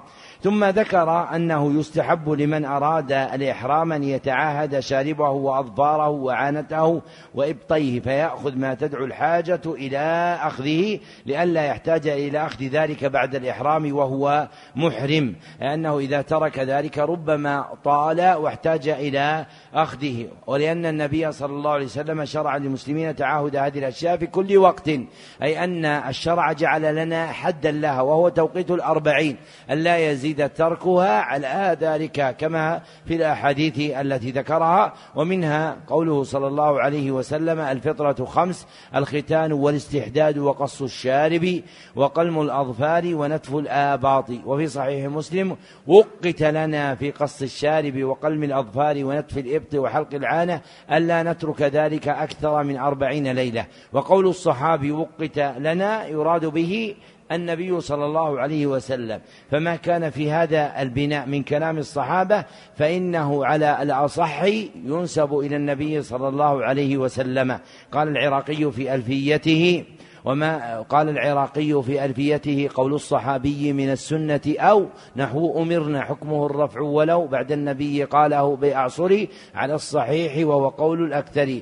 فقوله نحو أمرنا من جنسه وقت لنا بالبناء للمفعول. ووقع التصريح بذلك في رواية النسائي وقت لنا رسول الله صلى الله عليه وسلم. والمحفوظ رواية هو البناء للمفعول وقت لنا. وهي في معنى قول وقت رسول الله صلى الله عليه وسلم. وهؤلاء المذكورات من جملة ما يكون في تعهد الإنسان نفسه إن احتاج إلى ذلك فعله وإن لم يحتج إليه لم يفعله. ثم قال وأما الراس فلا يشرع أخذ شيء منه عند الإحرام. لا في حق الرجال ولا في حق النساء. فإذا أراد أن يحرم من الميقات لم يتعرض لرأسه بأخذ شيء منه. ثم قال وأما اللحية فيحرم حلقها وأخذ شيء منها في جميع الأوقات بل يجب إعفاؤها وتوفيرها. وذكر الأحاديث في ذلك مع ما بينه من عظم المصيبة بحلق اللحى الذي فشى بين الناس. وقد نقل ابن حزم الظاهري وابن تيمية الحنبلي الإجماع على تحريم حلق اللحى وشعار السنة الذي كان عليه النبي صلى الله عليه وسلم إعفاؤه لحيته وتوفيره لها وكانت له صلى الله عليه وسلم لحية كثة واللائق بالعبد أن يتأسى بالنبي صلى الله عليه وسلم. قال تعالى لقد كان لكم في رسول الله أسوة حسنة ومن زعم أن الجمال في حلقها فذاك غاية القبح فإن النبي صلى الله عليه وسلم قال إن الله جميل يحب الجمال. وأجمل ما كان عليه النبي صلى الله عليه وسلم هو أتم الأحوال. وكان النبي صلى الله عليه وسلم وافر اللحية. فغاية الجمال توفيرها. وأما الذي يزعم أن حلق اللحية هو الجمال فقد انقلبت فطرته وانعكست حقيقة الأمر عليه ووقع في مخالفة أمر الله وأمر رسوله صلى الله عليه وسلم. ثم قال ثم يلبس الذكر أي الرجل إزارا ورداء. والإزار ما هو؟ ما هو الإزار؟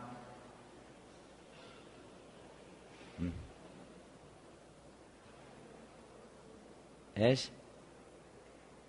من السرة إلى الركبة. هذا حد من الجسد. هذا حد من الجسد.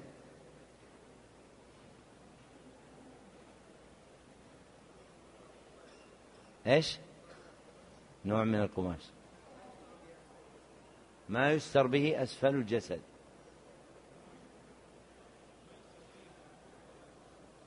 ما يستر به من الركبة إلى. إيش؟ غير المخيط. ها. ها. ما يلبس أسفل ها. ما يقوم مقام السروال.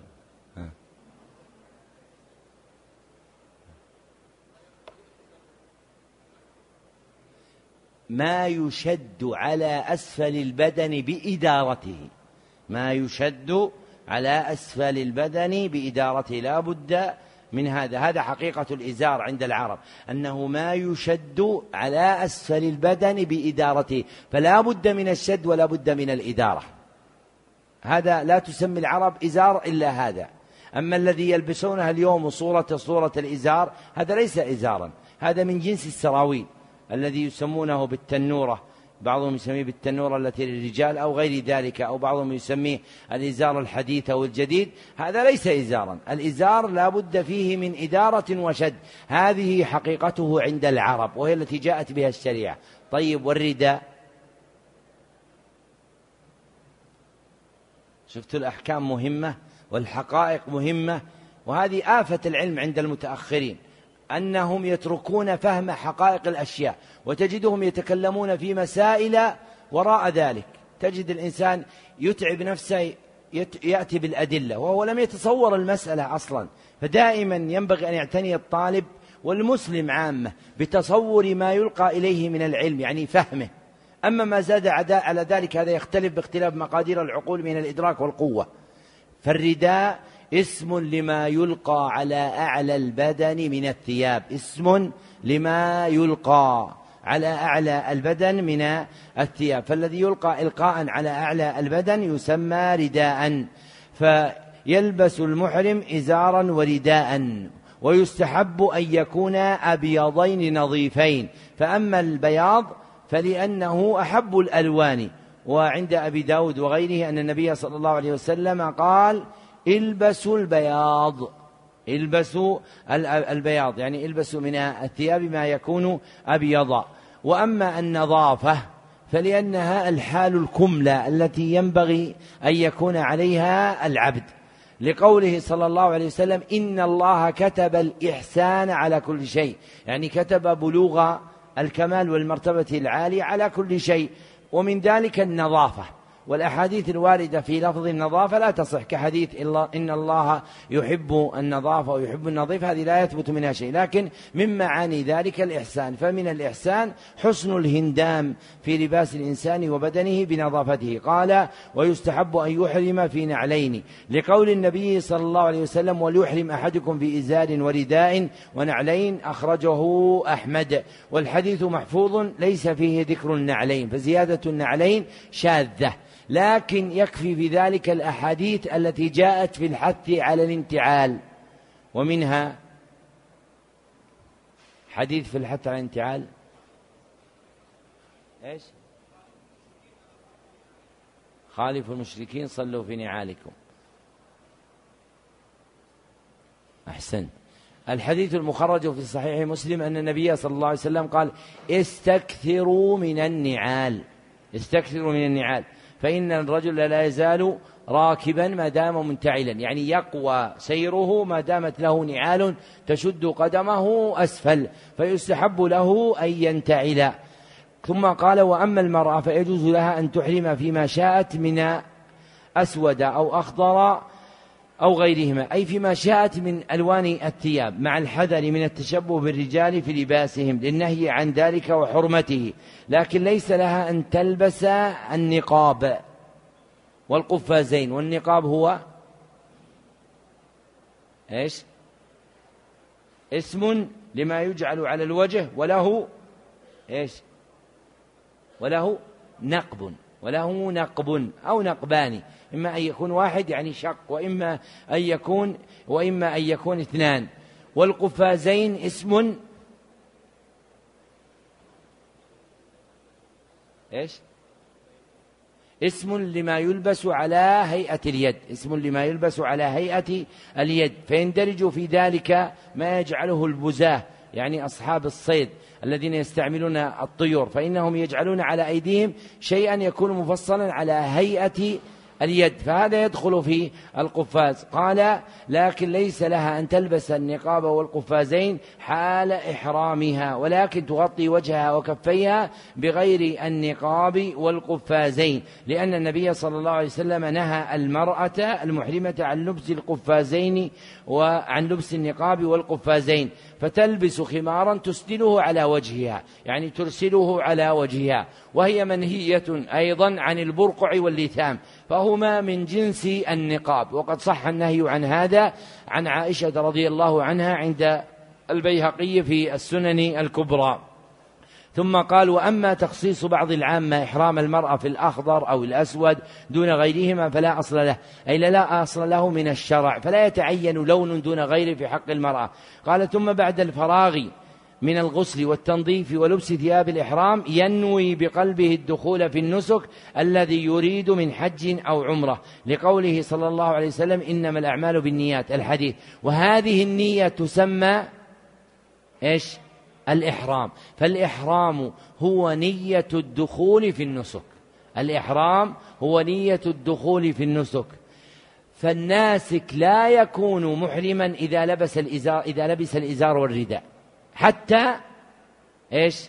ينوي حتى ينوي. فلو أن إنسانا لبس الإزار والرداء ثم بعد ذلك طيب بدنه طيب بدنه. يكون قد وقع في محظور أم لم يقع؟ الجواب لم يقع لأنه بعد ليس ليس محرما. فالإحرام هو نية الدخول في النسك وهذه هي النية الخاصة. فإن نية النسك من حج أو عمرة نوعان. فإن نية النسك من حج أو عمرة نوعان. إحداهما النية العامة وهي النية التي تكون في قلب العبد منذ خروجه من بلده.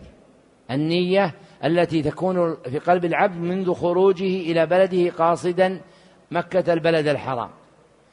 والأخرى نية خاصة وهي نية الدخول في النسك وهي التي تسمى إحراما وهي التي تسمى إحراما ولا يكون العبد محرما إلا بها ولا يكون العبد محرما إلا بها. فمثلا لو أن أحدا جاء من المغرب ولبس ثياب الإحرام في الطائرة. تهيأ لذلك ولبس ثياب الإحرام في الطائرة. ثم نام في الطائرة. ولم يستيقظ حتى حطت الطائرة في جدة. فهذا أحرم أم لم يحرم؟ إيش؟ لم يحرم. لا تكفيه النية العامة. لا بد أن ينوي نية خاصة عند محاذاة الإحرام بأن يدخل في النسك. قال ويشرع له التلفظ بما نوى. فإن كانت نيته العمرة قال لبيك عمرة أو اللهم لبيك عمرة وإن كانت نية الحج قال لبيك حجا أو اللهم لبيك حجا لأن النبي صلى الله عليه وسلم فعل ذلك. لما في صحيح مسلم أن النبي صلى الله عليه وسلم لما أحرم قال لبيك بحج وعمرة وفي لفظ لبيك حجا وعمرة فإنه كان صلى الله عليه وسلم قارنا. قال وإن نواهما جميعا يعني مثل النبي صلى الله عليه وسلم لبى فقال اللهم لبيك عمرة وحجا. وهذا التلفظ في أصح القولين هو خبر عن النسك لا خبر عن النية. هو خبر عن النسك لا خبر عن النية. كالتكبير في أول الصلاة فإنه خبر عن الدخول فيها لا خبر عن نيتها. فنيتها محلها القلب بأن ينوي فجرا أو ظهرا أو عصرا أو مغربا أو عشاء. والتكبير شعار الدخول فيها. فكذلك الناسك نيته محلها القلب. وقوله لبيك عمرة أو لبيك حجا أو لبيك عمرة وحجا هو خبر عن النسك الذي يريده من أنساك الحج. فأصح القولين أن هذا خبر عن النسك لا نية له. ثم قال والأفضل أن يكون التلفظ بذلك يعني الخبر عن النسك بعد استوائه على مركوبه من دابته أو سيارته أو غيرهما لأن النبي صلى الله عليه وسلم إنما أهل بعدما استوى على راحلته وانبعثت به من الميقات للسير. هذا هو الأصح من أقوال أهل العلم أي أن الأصح أن تأتي بنية الإحرام إذا استويت على مركوبك من دابة أو سيارة مريدا الشروع في ذلك يعني بالإنبعاث بأن تمضي سيارتك. فلو قدر أنك لبست إحرامك ثم جلست على السيارة والسيارة تنتظر ساعتين فهنا لا يشرع لك في السنة الكاملة أن تنوي ذلك حينئذ وإنما إذا اجتمع الركب وأراد السائر أن يسير عند ذلك تنوي. هذا هو الأتم وهو الأصح في أقوال أهل العلم أنه السنة. لكن لو أنه أحرم قبل ذلك كأن يلبس الإزار والرداء على الأرض ثم يحرم هذا جائز. لكن السنة هي ما ذكرنا. قال ولا يشرع له التلفظ بما نوى إلا في الإحرام لوروده عن النبي صلى الله عليه وسلم. هذا على القول بأنه تلفظ بالنية. وعلى الصحيح هو خبر عن النسك قال وأما الصلاة والطواف وغيرهما فينبغي له أن لا يتلفظ في شيء منها بالنية. فلا يقول نويت أن أصلي كذا ولا نويت أن أطوف كذا إلى غير ذلك مما ذكره. لأن النية محلها القلب. والله عز وجل قال في آخر سورة الحجرات قل أتعلمون الله بدينكم فتبقى النية في قلب الإنسان ولا يصرح بها بلسانه. هذا هو هدي النبي صلى الله عليه وسلم وما كان عليه كمل الناس من أصحابه وأتباعهم وأتباع التابعين رحمهم الله تعالى. نعم. قال رحمه الله فصل في المواقيت المكانية وتحديدها. المواقيت خمسة الأول, الأول ذو الحليفة وهو ميقات أهل المدينة وهو المسمى عند الناس اليوم بأرو علي. الثاني الجحفة وهو ميقات أهل الشام وهي قرية خراب تلي رابغ. والناس اليوم يحرمون من رابغ ومن أحرم من رابغ فقد أحرم من الميقات لأن رابغا قبلها بيسير. الثالث قرن المنازل وهو ميقات أهل نجد وهو المسمى اليوم السيل. الرابع يلملم وهو ميقات أهل اليمن الخامس ذات عرق وهي ميقات أهل أهل العراق. وهذه المواقيت قد وقتها النبي صلى الله عليه وسلم لمن ذكرنا ومن مر عليها من غيرهم ومن مر عليها من غيرهم ممن أراد الحج أو العمرة والواجب على من مر عليها أن يحرم منها ويحرم عليه ويحرم عليه أن يحرم الله عليك. ويحرم عليه أن يتجاوزهن بدون إحرام. إذا كان قاصدا مكة يريد حجا أو عمرة سواء كان مروره عليها من طريق الأرض أو من طريق الجو لعموم قول النبي صلى الله عليه وسلم لما وقت هذه المواقيت هن لهن ولمن أتى عليهن من غير أهلهن ممن أراد الحج والعمرة والمشروع لمن توجه إلى مكة من طريق الجو بقصد الحج أو العمرة أن يتأهب لذلك بالغسل ونحوه قبل الركوب في الطائرة. فإذا دنا من الميقات لبس إزاره ورداءه ثم لبى بالعمرة إن كان الوقت متسعا وإن كان الوقت ضيقا لبى بالحج. وإن لبس إزاره ورداءه قبل الركوب أو قبل الدنو من الميقات فلا بأس. ولكن لا ينوي الدخول في النسك ولا يلبي بذلك إلا إذا حاد الميقات أو دنا منه لأن النبي صلى الله عليه وسلم لم يحرم إلا من الميقات.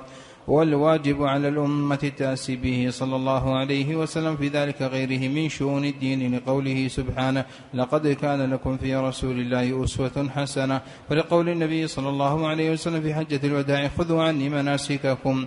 وأما من توجه إلى مكة ولم يرد حجا ولا عمرة كالتاجر والحطاب والبريد ونحو ذلك فليس عليه إحرام إلا يرغب في ذلك. لقول النبي صلى الله عليه وسلم في الحديث المتقدم لما ذكر المواقيت هن لهن ولمن أتى عليهن من غير أهلهن ممن أراد الحج والعمرة.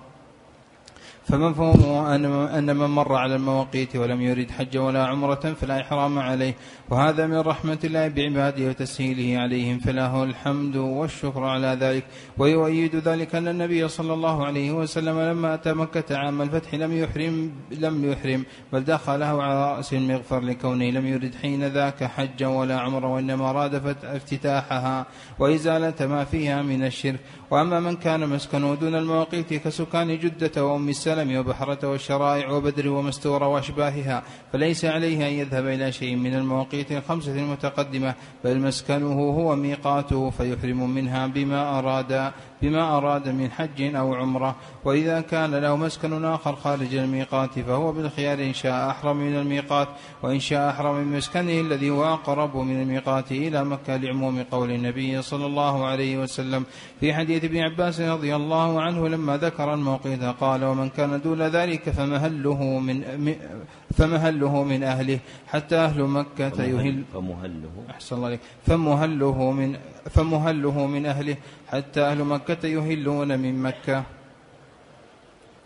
أخرجه البخاري ومسلم لكن من أراد العمرة وهو ولكن من أراد العمرة وهو في الحرم فعليه أن يخرج إلى الحل ويحرم بالعمرة منه لأن النبي صلى الله عليه وسلم لما طلبت منه عائشة العمرة أمر أخاها عبد الرحمن أن يخرج بها إلى الحل فتحرم منه فدل ذلك على أن المعتمر لا يحرم بالعمرة من الحرم وإنما يحرم بها من الحل. وهذا الحديث يخصص حديث ابن عباس المتقدم ويدل على أن مراد النبي صلى الله عليه وسلم بقوله حتى أهل مكة يهلون من مكة مكة هو الإهلال بالحج لا العمرة. إذ لو كان الإهلال بالعمرة جائزا من الحرم لأذن لعائشة رضي الله عنها في ذلك ولم يكلفها بالخروج إلى الحل. وهذا أمر واضح وقول جمهور العلماء رحمة الله عليهم وهو أحوط المؤمن لأن فيه العمل بالحديثين جميعا والله الموفق.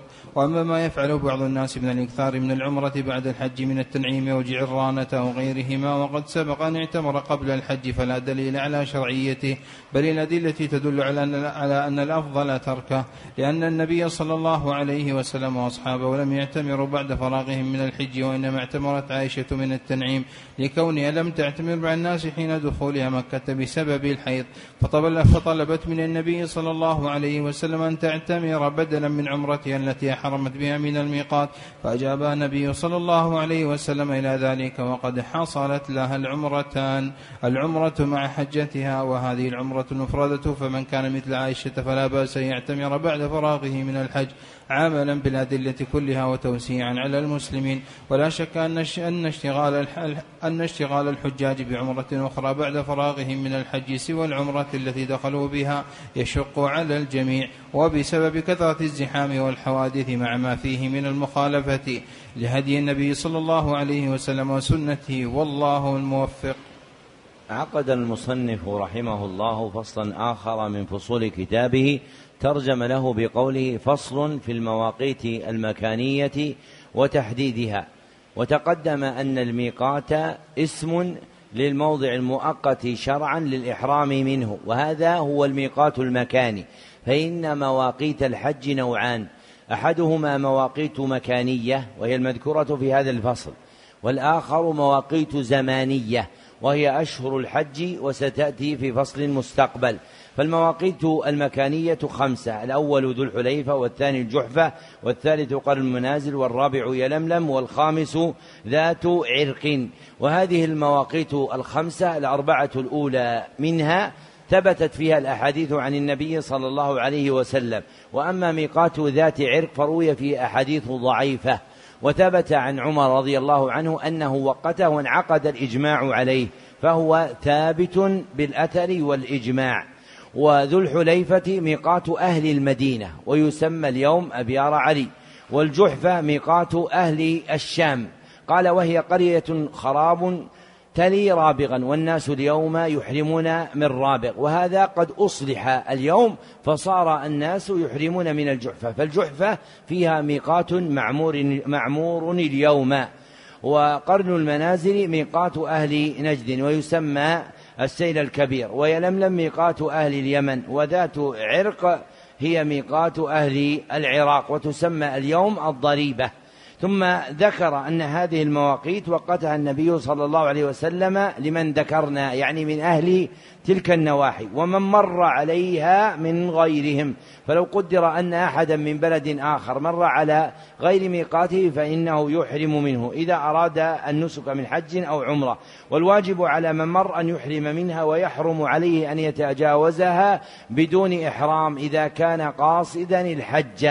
لأن النبي صلى الله عليه وسلم لما وقتهن قال هن لهن ولمن أتى عليهن من غير أهلهن من من أراد الحج أو أو العمرة. وإذا تجاوزها العبد فلم يحرم منها فعليه دم. لما ثبت عن ابن عباس رضي الله عنه أنه قال من ترك شيئا من نسكه أو نسيه فليرق دما. ومن ذلك ترك الإحرام من الميقات. قال والمشروع لمن توجه إلى مكة من طريق الجو بقصد الحج أو العمرة أن يتأهب لذلك يعني يأخذ أهبته بأن يستعد بالغسل ونحوه قبل ركوبه في الطائرة. فإذا دنا من الميقات لبس إزاره ورداءه وإذا شاء لبس الإزار والرداء قبل ركوب الطائرة إذا كان أيسر عليه. ثم لبى بالعمرة إن كان الوقت متسعا وإن كان الوقت ضيقا لبى بالحج. أي إذا حاد الميقات وأخبر بذلك فإنه يلبي بنسكه. قال وإن لبس إزاره ورداءه قبل الركوب أو قبل الدنو من الميقات فلا بأس. ولكن لا ينوي الدخول في النسك ولا يلبي بذلك إلا إذا حاذ الميقات أو دنا منه لأن النبي صلى الله عليه وسلم لم يحرم إلا من الميقات. والواجب على العبد أن يتأسى بالنبي صلى الله عليه وسلم لقوله تعالى لقد كان لكم في رسول الله أسوة حسنة وقال صلى الله عليه وسلم لتأخذوا مناسككم رواه مسلم بهذا اللفظ. وأما لفظ خذوا عني مناسككم فهذا عند البيهقي في السنن الكبرى وهو غير محفوظ. والمحفوظ لتأخذوا مناسككم أي بما فعله النبي صلى الله عليه وسلم. ثم ذكر المصنف أن من توجه إلى مكة غير مريد حج ولا عمرة كتاجر أو حطاب أو بريد يعني من يحمل الرسائل فليس عليه إحرام إلا أن يرغب ذلك. فإن النبي صلى الله عليه وسلم لما وقتهن قال ممن أراد الحج والعمرة. قال المصنف فمفهومه أن من مر على المواقيت ولم يرد حجا ولا عمرة فلا إحرام عليه وهذا من رحمة الله بعبادة وتسهيله عليهم فله الحمد وله الشكر. ثم ذكر أن من كان مسكنه دون المواقيت أي دون حدود الميقات كالسكان جدة وأم السلم وبحرة والشرائع وغيرهم فهذا ليس عليه أن يذهب إلى المواقيت بأن يرجع وراءه بل مسكنه هو ميقاته فيحرم منه بما أراد من حج أو عمرة. وإذا كان له مسكن آخر خارج المواقيت يعني وراء حدود المواقيت وآخر دون المواقيت فهو بالخيار. إن شاء أحرم من البعيد وإن شاء أحرم من القريب. قال لكن من أراد من من العمرة وهو في الحرم فعليه أن يخرج إلى الحل ويحرم بالعمرة منه. لأن النبي صلى الله عليه وسلم لما طلبت منه عائشة العمرة أمر أخاها عبد الرحمن أن يخرج بها إلى الحل فتحرم منه. قال وهذا الحديث يخصص حديث ابن عباس في قوله حتى أهل مكة يهلون من مكة. يعني أن هذا في الحج فقط. فالمكي في الحج يحرم من مكة لأنه في حجه يجمع بين الحرم والحل فهو بإحرامه يحرم من الحرم ثم إذا خرج إلى عرفة فإنه يكون في الحل فكذلك في العمرة لا بد أن يجمع بين الحرم والحل. فيخرج من الحل ويحرم ثم يرجع إلى الحرم فيعتمر. قال وهذا أمر واضح وهو قول جمهور العلماء بل هو إجماع.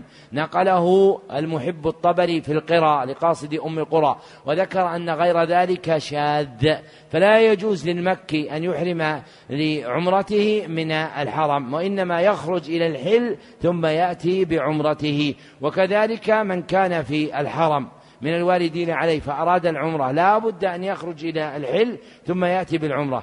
ثم ذكر أن ما يفعله بعض الناس من الإكثار من العمرة بعد الحج من التنعيم أو الجعرانة يعني من الحل. فالجعرانة حل كالتنعيم وكذلك عرفة. وقد سبق أن اعتمر قبل الحج فلا دليل على شرعيته يعني على كونه مشروعا. بل بل الأدلة تدل على أن الأفضل تركه. وهذا حق أن الأدلة تدل على أن الأفضل وأما الجواز فالأدلة في الأظهر تدل على جوازه.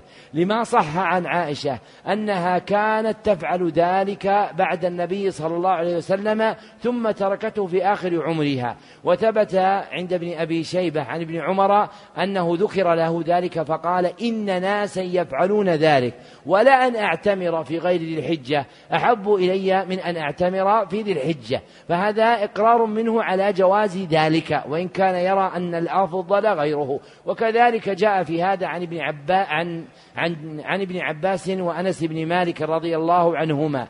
فالأظهر أن الآثار تدل على جواز تكرار العمرة لكن الآثار تدل على وجود التراخي الذي ينبت به الشعر. وأقله فيما يظهر سبعة أيام أو عشرة أيام فمثل هذه المدة له أن يأتي بعمرة ثانية. وقد قال المصنف رحمه الله في تعليل المنع قال توسيعا على المسلمين أي ممن أراد منهم أن يأتي بنسكه. فكذلك اليوم من التوسيع على المسلمين القول بالجواز لأنه صار يضيق عليهم مشقة القدوم مرة أخرى إلى بلاد الحرمين لما في ذلك من الأموال العظيمة التي تنفق فيه ومع إجراءات ما يتعلق بترتيب الدخول والخروج المسمى بالتأشيرة. فحينئذ المناسب لمقاصد الشريعة هو القول بجواز تكرار العمرة كما ثبتت به الآثار بأن يوقعها وفق ما جاء بالآثار بأن يكون بين العمرتين تراخ ينبت فيه الشعر. نعم.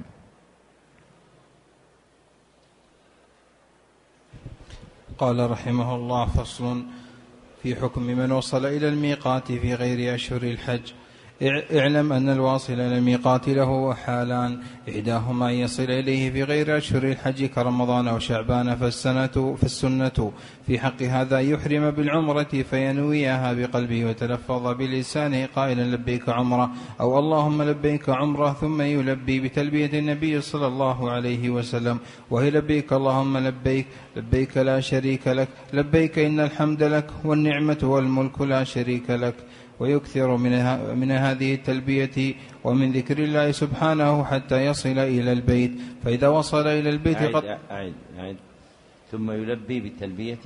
أحسن الله عليك قال ثم يلبي بتلبية النبي.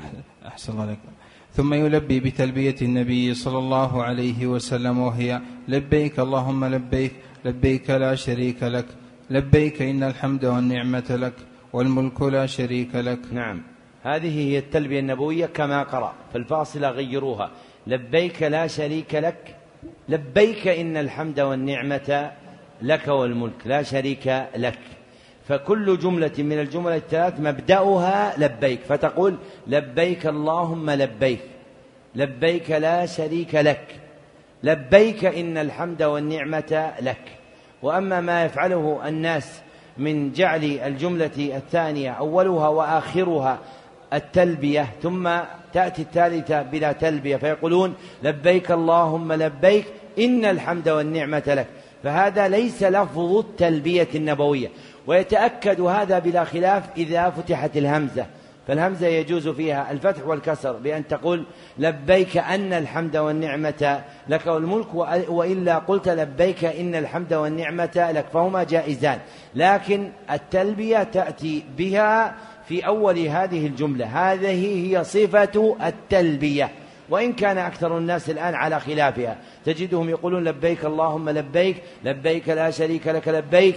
إن الحمد والنعمة لك والملك لا شريك لك. نعم. أحسن الله عليك. قال رحمه الله فإذا وصل إلى البيت قطع التلبية وطاف بالبيت سبعة أشواط وصلى خلف المقام ركعتين ثم خرج إلى الصفا وطاف بين الصفا والمروة سبعة أشواط ثم حلق شعر رأسه وقصره وبذلك تمت عمرته وحل كل شيء حرم عليه بالإحرام. الثانية أن يصل إلى الميقات في أشهر الحج وهي شوال وذو القعدة والعشر الأول من ذي الحجة. فمثل هذا يخير بين ثلاثة أشياء وهي الحج وحده والعمرة وحدها والجمع بينهما لأن النبي صلى الله عليه وسلم لما وصل إلى الميقات من إلى الميقات في ذي إلى الميقات في ذي القعدة في حجة الوداع خير أصحابه بين هذه الأنساك الثلاثة لكن السنة في حق هذا أيضا إذا لم يكن معه هدي أن يحرم بالعمرة ويفعل ما ذكرنا في حق في حق من وصل إلى الميقات في غير أشهر الحج. لأن النبي صلى الله عليه وسلم لما أمر أصحابه لما قربوا لما قربوا من مكة أن يجعلوا إحرامهم عمرة وأكد عليهم في ذلك بمكة فطافوا وسعوا وقصروا وحلوا امتثالا لأمره صلى الله عليه وسلم إلا من كان معه الهدي. فإن النبي صلى الله عليه وسلم أمره أن يبقى على إحرامه حتى يحل يوم النحر. والسنة في حق هذا والسنة في حق من ساق الهدي أن يحرم بالحج والعمرة جميعا. لأن النبي صلى الله عليه وسلم قد فعل ذلك وكان قد ساق الهدي وأمر من ساق الهدي من أصحابه وقد أهل بعمرة أن يلبي بحج مع عمرته وألا يحل حتى يحل منهما جميعا يوم النحر وإن كان الذي ساق الهدي وقد أحرم بالحج وحده وبقي على إحرامه أيضا حتى, حتى يحل يوم النحر كالقارن بينهما وعلم بهذا أن من أحرم بالحج وحده أو بالعمرة أو بالحج والعمرة وليس معه هدي. لا ينبغي له أن يبقى على إحرامه بل السنة في حقه أن يجعل إحرامه عمرة. فيطوف ويسعى ويقصر ويحل. كما أمر النبي صلى الله عليه وسلم من لم يسق الهدي من أصحابه بذلك. إلا أن يخشى ذا فوات الحج لكونه قدم متأخرا فلا بأس أن يبقى على إحرامه والله أعلم. وإن خاف المحرم ألا يتمكن من أداء نسكه لكونه مريضا أو خائفا من عدو ونحوه استحب له أن يقول عند إحرامه فإن حبسني حابس فمحلي حيث حبستني. لحديث ضباعة بنت زبير رضي الله عنها أنها قالت يا رسول الله إني أريد الحج وأنا شاكية. فقال لها صل فقال لها النبي صلى الله عليه وسلم حجي واشترطي أن محلي حيث حبستني متفق عليه وفائدة هذا الشرط. أن المحرم إذا عرض له ما يمنعه من تمام نسكه. من مرض أو أو صد عدو جاز له التحلل ولا شيء عليه. ذكر المصنف رحمه الله فصلا آخر من فصول كتابه ترجم له بقوله فصل في حكم من وصل إلى الميقات في غير أشهر الحج وهي المواقيت الزمنية له وأشهر وأشهر الحج هي شوال وذو القعدة وذو الحجة في أصح القولين وهو مذهب الإمام مالك وذهب غيره إلى أن ذي الحجة مقصور على العشرة الأيام منه. والأظهر أن شهر ذي الحجة بتمامه معدود في كونه من أشهر الحج. فإن الله قال الحج أشهر معلومات ولا يقع الجمع إلا بالثلاثة. ثم ذكر المصنف أن الواصل إلى الميقات له حالان. أحد إحداهما أن يصل إليه في غير أشهر الحج كرمضان وشعبان. فالسنة في حقه أن يحرم بالعمرة فينويها بقلبه ويتلفظ بلسانه قائلا لبيك عمره ثم يلبي تلبيته ثم إذا وصل إلى البيت قطع التلبية قبل شروعه في الطواف ثم جاء بالعمرة تامة بطواف سبعة أشواط حول البيت ثم يصلي ركعتين ثم يسعى بين الصفا والمروة سبعة أشواط ثم يحلق رأسه أو يقصره فيكون فيكون قد تمت عمرته. وإن أحرم بالحج في غير أشهره انقلبت عمرة وهو قول الصحابة رضي الله عنهم ومذهب الشافعية يعني لو أن إنسانا جاء في شعبان فأحرم من الميقات فقال لبيك حجا فإنه لا يكون محرما بالحج وإنما تكون تلبية لعمرة فيأتي بالعمرة ثم يحل من إحرامه. ثم ذكر الحالة الثانية قال أن يصل إلى الميقات في أشهر الحج. وهي شوال وذو القعدة والعشر الأول من ذي الحجة على قول. وعلى القول الثاني شهر ذي الحجة بتمامه. قال فمثل هذا يخير بين ثلاثة أشياء. هي أنواع النسك وأحدها الإفراد وهو الحج وحده. والثاني القران.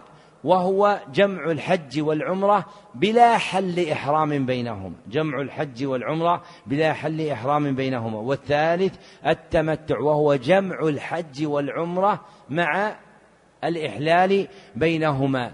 والمرء مخير بين هذه الأنساك الثلاثة. ثم ذكر أن من ساق الهدي يعني جاء بالهدي من الحل فإن السنة في حقه أن يحرم بالعمرة ويفعل ما ذكرنا ويبقى على ذلك أي أنه يكون قارنا.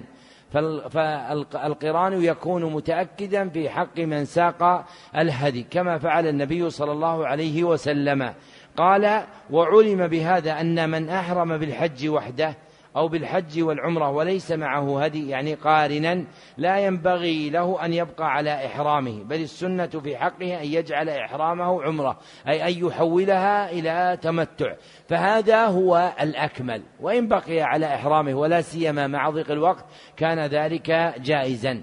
ثم ذكر أنه إن خاف المحرم ألا يتمكن من أداء النسك لكونه مريضا أو خائفا من عدو استحب له أن يقول عند إحرامه فإن حبسني حابس فمحلي حيث حبستني. ويسمى هذا الاشتراط للمحرم. وهذا سنة في حق من قام به داع في حق من قام به سبب يستدعيه. كمرض ونحوه فيكون سنة في حقه. أما من لم يقم في حقه سبب فالأظهر أنه لا يشترط فما دام الإنسان ممتعا بالصحة والعافية فلا يشترط. ثم ذكر المصنف فائدة هذا الاشتراط في حق من كان فيه سبب يستدعيه. قال أن المحرم إذا عرض له ما يمنعه من تمام نسكه من مرض أو صد عدو جاز له التحلل جاز له التحلل يعني الخروج من النسك ولا شيء عليه. أما من لم يشترط فلو قدر أنه بعد ذلك منع من نسكه فلم يتم له نسكه فهذا يحل منه وعليه هدي. نعم. قال رحمه الله فصل في حكم حج الصبي الصغير هل يجزئه هل يجزئه عن حجة الإسلام؟ يصح حج الصبي الصغير والجارية الصغيرة لما صح. لما في صحيح مسلم عن ابن عباس رضي الله عنهما أن امرأة رفعت إلى النبي صلى الله عليه وسلم صبيا. فقالت يا رسول الله هل هذا حج؟ فقال نعم ولك أجر. وفي صحيح البخاري عن السائب بن يزيد رضي الله عنه قال حج بي قال حج بي مع النبي مع رسول الله صلى الله عليه وسلم وأنا ابن سبع سنين لكن لا يجزئهما هذا الحج عن حجة الإسلام. وهكذا العبد المملوك والجارية المملوكة يصح منهما الحج ولا يجزئهما عن حجة الإسلام. لما ثبت من حديث ابن عباس رضي الله عنهما أن النبي صلى الله عليه وسلم قال أيما صبي حج ثم بلغ الحنث فعليه أن يحج حجة أخرى وأيما عبد حج ثم اعتق فعليه حجة أخرى. أخرجه ابن أبي شيبة والبيهقي بإسناد حسن. ثم إن كان الصبي دون التمييز نوى نوى عنه الإحرام وليه فيجرده من المخيط ويلبي عنه ويصير الصبي محرما بذلك فيمنع فيمنع مما يمنع فيمنع مما يمنع عنه المحرم الكبير. وهكذا الجارية التي دون التمييز ينوي عنها الإحرام وليها ويلبي عنها وتصير محرمة بذلك. وتمنع مما تمنع منه المحرمة الكبيرة وينبغي أن يكون طاهري الثياب والأبدان حال الطواف لأن الطواف يشبه الصلاة والطهارة شرط لصحتها. وإن كان الصبي والجارية مميزين يحرما بإذن وليهما وفعلا عند الإحرام ما يفعل الكبير من الغسل والطيب ونحوهما ووليهما هو المتولي لشؤونهما القائم بمصالحهما سواء كان أباهما أو أمهما أو غيرهما. ويفعل الولي عنهما ما عجزا عنه كالرمي ونحوه ويلزمهما فعل فعل ما سوى ذلك من المناسك كالوقوف بعرفة والمبيت بمنى. ومزدلفة والطواف والسعي فإن عجز عن الطواف والسعي طيف بهما وسعي بهما محمولين. والأفضل لحاملهما ألا يجعل الطواف والسعي مشتركين بينهما بينه وبينهما. بل ينوي الطواف والسعي لهما ويطوف لنفسه طوافا مستقلا ويسعى لنفسه سعي مستقلا احتياطا للعبادة وعملا بالحديث الشريف دع ما يريبك إلى ما لا يريبك فإنه الحامل فإن والحامل الطواف عنه وعن المحمول والسعي عنه وعن المحمول. أجزأ ذلك في أصح القولين لأن النبي صلى الله عليه وسلم لم يأمر التي سألته عن حج الصبي أن تطوف له وحده ولو كان ذلك واجبا لبينه صلى الله عليه وسلم والله الموفق. ويؤمر الصبي المميز والجارية المميزة بالطهارة من الحدث والنجس قبل الشروع في الطواف كالمحرم الكبير وليس وليس الإحرام عن الصبي الصغير والجارية الصغيرة بواجب على وليهما بل هو نفل فإن فعل ذلك فله أجر إن ترك ذلك فلا حرج عليه والله أعلم. ذكر المصنف رحمه الله فصلا آخر من فصول كتابه ترجم له بقوله فصل في حكم حج الصبي الصغير هل يجزئه عن حجة الإسلام؟ واستفتحه ببيان صحة حج الصبي الصغير والجارية الصغيرة وهو قول جمهور أهل العلم خلافا للحنفية. للحديث الوارد في ذلك أن امرأة رفعت إلى النبي صلى الله عليه وسلم صبيا فقالت يا رسول الله ألي هذا حج؟ فقال نعم ولك أجر. وفي صحيح البخاري عن السائب أنه قال حج بي مع رسول الله صلى الله عليه وسلم وأنا ابن سبع سنين فحج الصغير صحيح في الصحيح من قولي أهل العلم. قال المصنف لكن لا يجزئهما هذا الحج عن حجة الإسلام أي لا بد من إتيانهما بحجة أخرى بعد البلوغ. قال وهكذا العبد المملوك والجارية المملوكة. إذا يصح منهما الحج ولا يجزئهما عن حجة الإسلام. فلو قدر وجود قن مملوك من ذكر أو أنثى فإنه إذا حج مع سيده أو غيره صح حجه. لكن إذا عتق وجب عليه حجة أخرى. وذكر الحديث الوارد في ذلك أيما صبي حج ثم بلغ الحنث. والمراد بالحنث إيش؟ كيف ثم بلغ البلوغ؟ أشده؟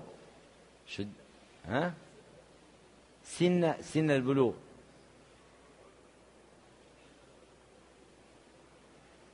يعني يصير الحديث بلغ البلوغ هذا عي. ها. إيش؟ لما بلغ المؤاخذة على السيئات لما بلغ المؤاخذة على السيئات. فالبلوغ حقيقته وصول العبد إلى السن التي يؤاخذ فيها على سيئاته. وأما الحسنات متى تكون؟ من أول يوم. لو قدر أن امرأة ولدت وفي اليوم الأول كانت قريبة من الميقات وأحرمت ومعها ولدها ونوت الحج أن أن يحج. هذا من أول يوم يكتب له حسنة. وهذا من فضل الله سبحانه وتعالى ومشاهد سعة رحمته. أن العبد يبتدأ بكتابة الحسنات حتى يبلغ. فانظر كم يكثر عنده من الحسنات ثم بعد ذلك تكتب عليه الحسنات والسيئات على حد سواء. قال حتى ثم بلغ الحنث فعليه أن يحج حجة أخرى وأيما عبد حج ثم أعتق فعليه حجة أخرى أخرجه ابن أبي شيبة والبيهقي بإسناد حسن. والمحفوظ أنه من كلام ابن عباس موقوفا وله حكم الرفع.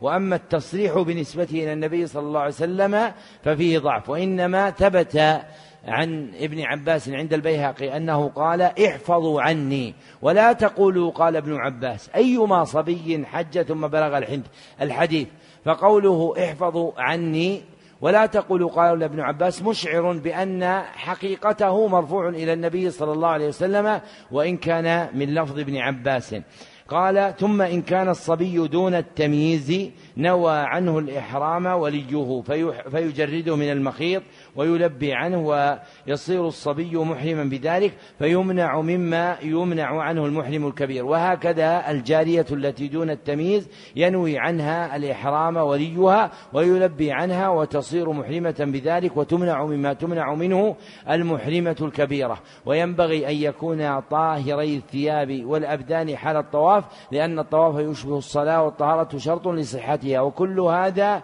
في من كان دون التمييز. وأما ما ما بعد التمييز فسيأتي الكلام عليه. والتمييز له علامتان. إحداهما علامة شرعية وهي تمام سبع سنين.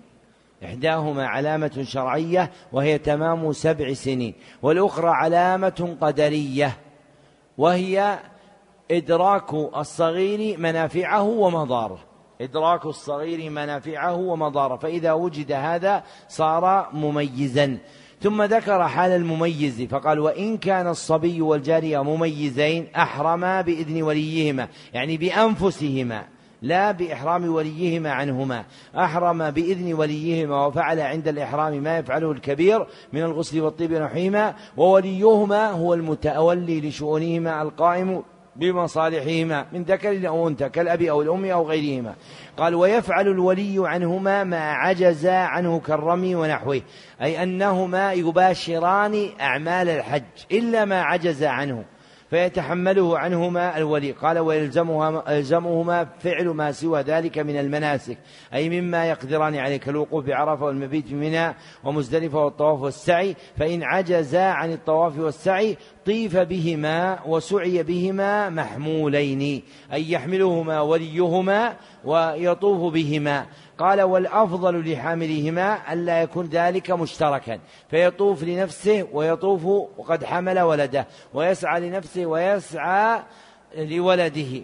وإن شق ذلك عليك كالواقع في هذه الأزمنة فالأمر كما ذكر المصنف فإن والحامل الطواف عنه وعن المحمول والسعي عنه وعن المحمول أجزأه ذلك في أصح القولين لأن النبي صلى الله عليه وسلم لم يأمر التي سألته عن حج الصبي أن تطوف له وحده ولو كان واجبا لبينه صلى الله عليه وسلم فيجزئ طواف واحد عن العبد ومن يحمله بشرط النية أن ينوي ذلك عن نفسه وعن غيره.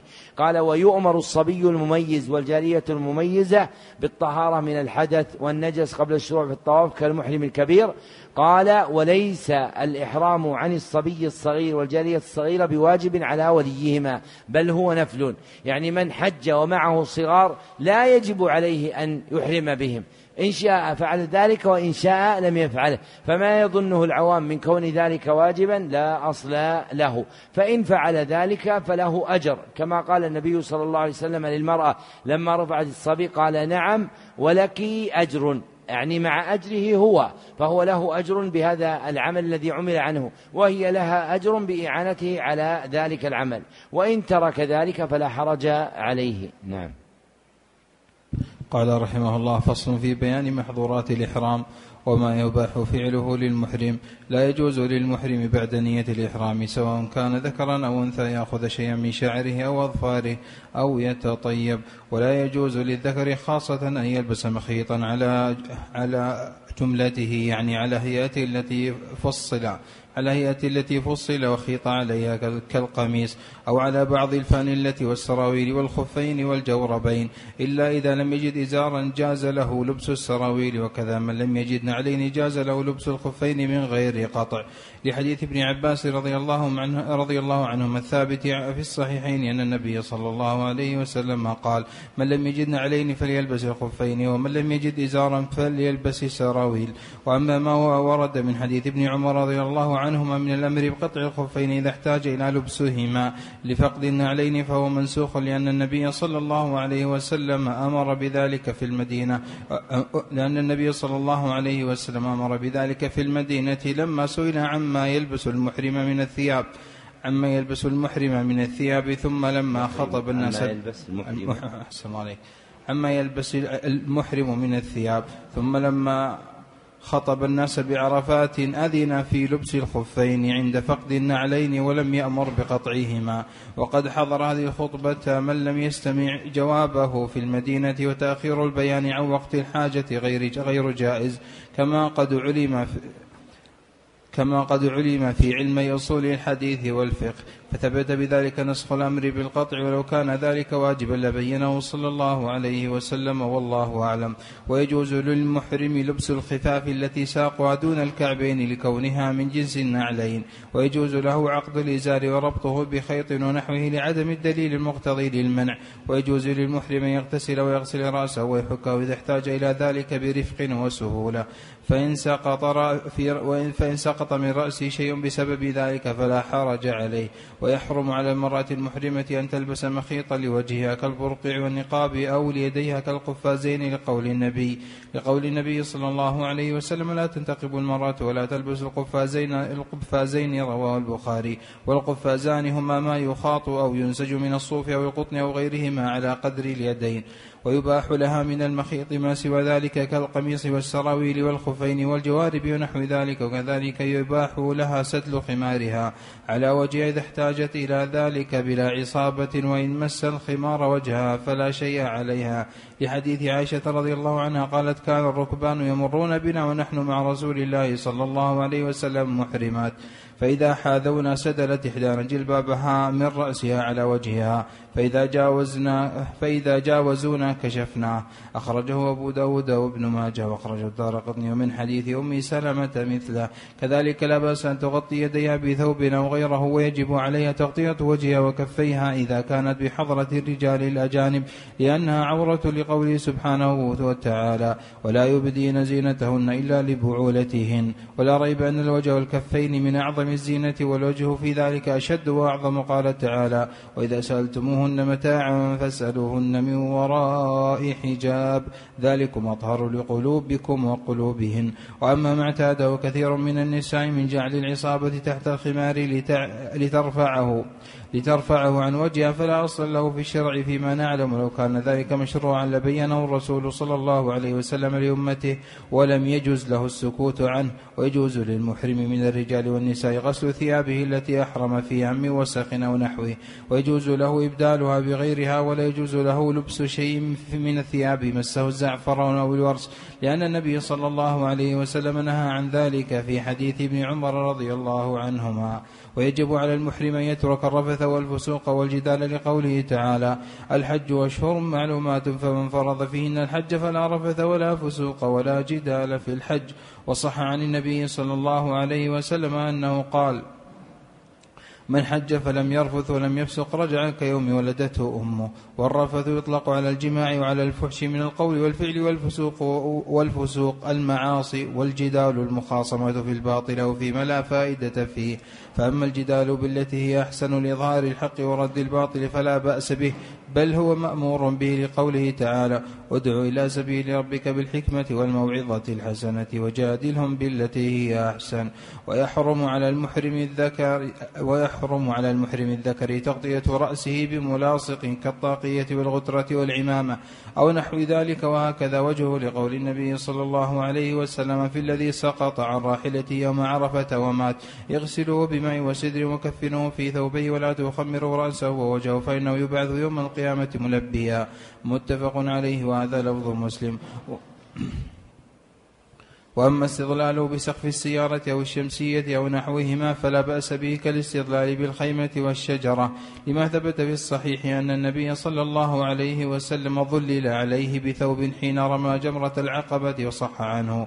صلى الله عليه وسلم أنه ضربت له, أنه ضربت له قبة بنميرة فنزل تحتها حتى زالت الشمس يوم عرفة. ويحرم على المحرم من الرجال والنساء قتل الصيد البري والمعاونة في ذلك وتنفيره من مكانه وعقد النكاح والجماع وخطبة النساء ومباشرتهن. ومباشرتهن بشهوة لحديث عثمان رضي الله عنه أن النبي صلى الله عليه وسلم قال لا ينكح المحرم ولا ينكح ولا يخطب. رواه مسلم. وإن لبس المحرم مخيطا أو غطى رأسه وتطيب ناسيا أو جاهلا فلا فدية عليه ويزيل ذلك متى ذكر أو علم. وهكذا من حلق رأسه أو أخذ من شعره شيئا وقلم أظفاره ناسيا أو جاهلا فلا شيء عليه على الصحيح. ويحرم على المسلم ويحرم على المسلم محرما كان أو غير محرم. ذك ذا ذكرا كان أو أنثى قتل صيد الحرم والمعاونة في قتله بآلة أو إشارة أو نحو ذلك. ويحرم تنفيره من مكانه ويحرم قطع شجر الحرم ونباته الأخضر ولو قطعته إلا لمن يعرفها. لقول النبي صلى الله عليه وسلم إن هذا البلد يعني مكة حرام بحرمة الله.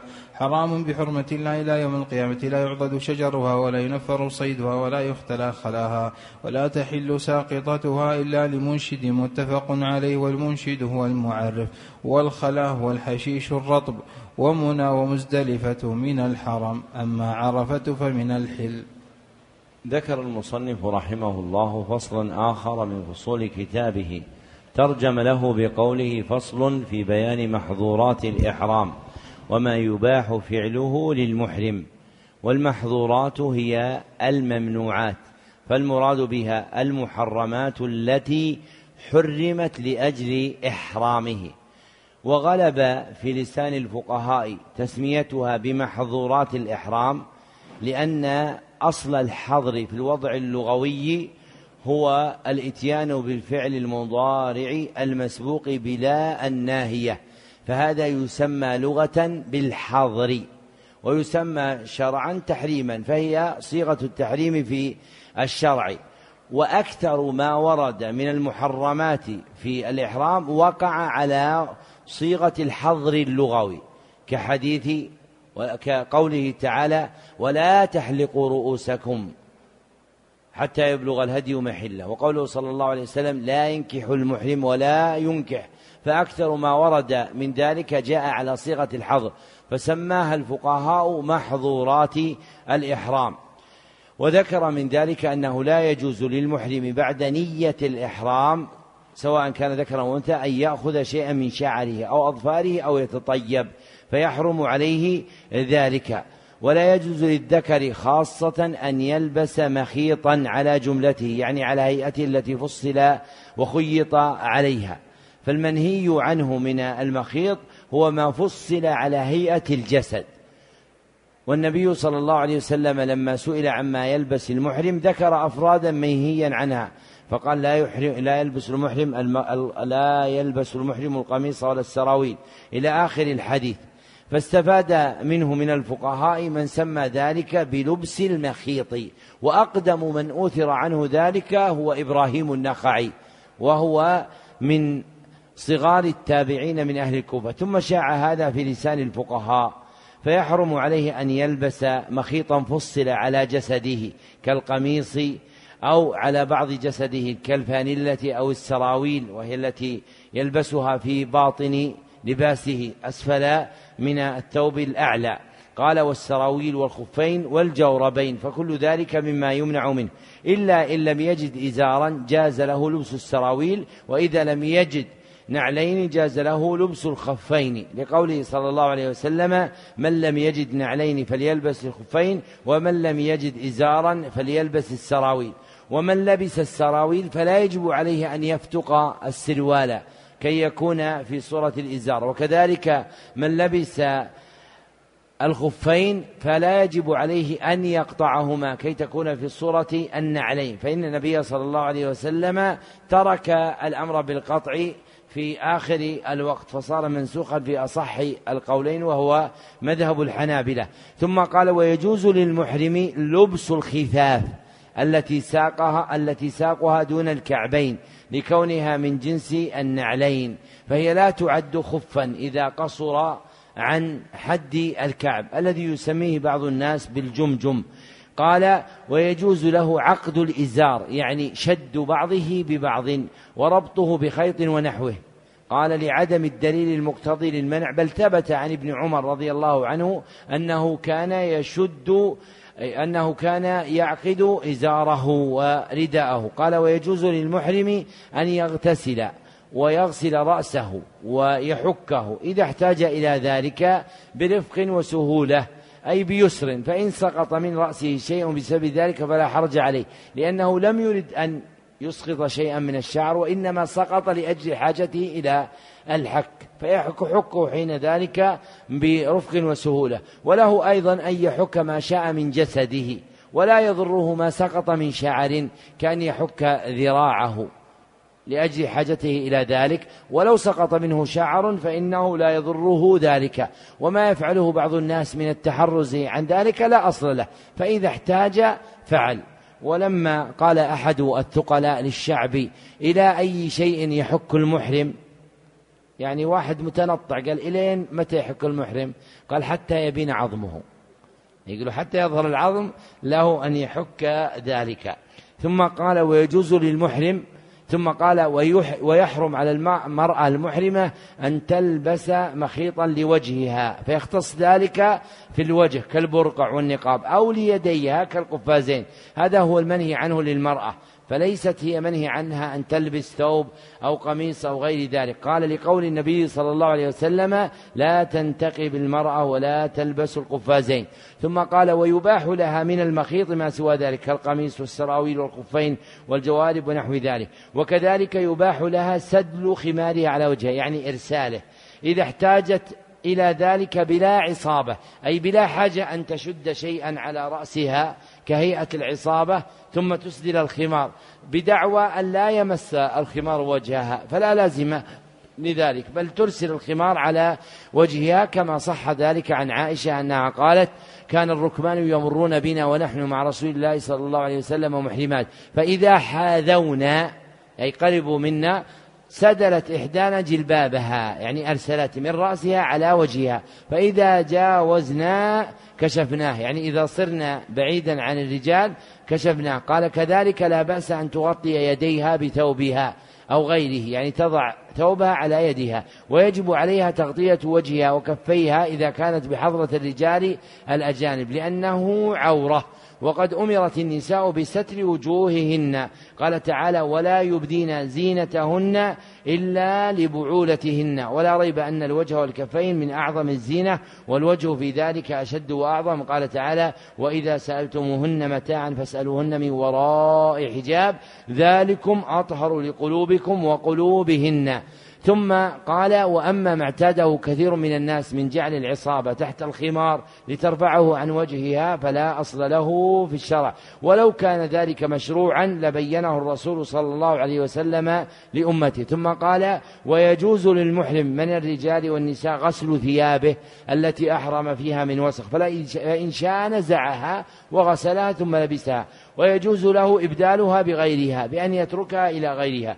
ولا يجوز له لبس شيء من الثياب مسه الزعفران أو الورس لأنهما طيب. وقد نهى النبي صلى الله عليه وسلم عن ذلك فالثياب التي فيها طيب ينهى عن لبسها. قال ويجب على المحرم أن يترك الرفث والفسوق والجدال. لقول الله تعالى الحج أشهر معلومات فمن فرض فيهن الحج فلا رفث ولا فسوق ولا جدال بالحج وصح عن النبي صلى الله عليه وسلم أنه قال من حج فلم يرفث ولم يفسق رجع كيوم ولدته أمه يعني من ذنوبه. ثم ذكر حقيقة الرفث الرفث أن الرفث اسم للجماع وما تعلق به من مقدماته.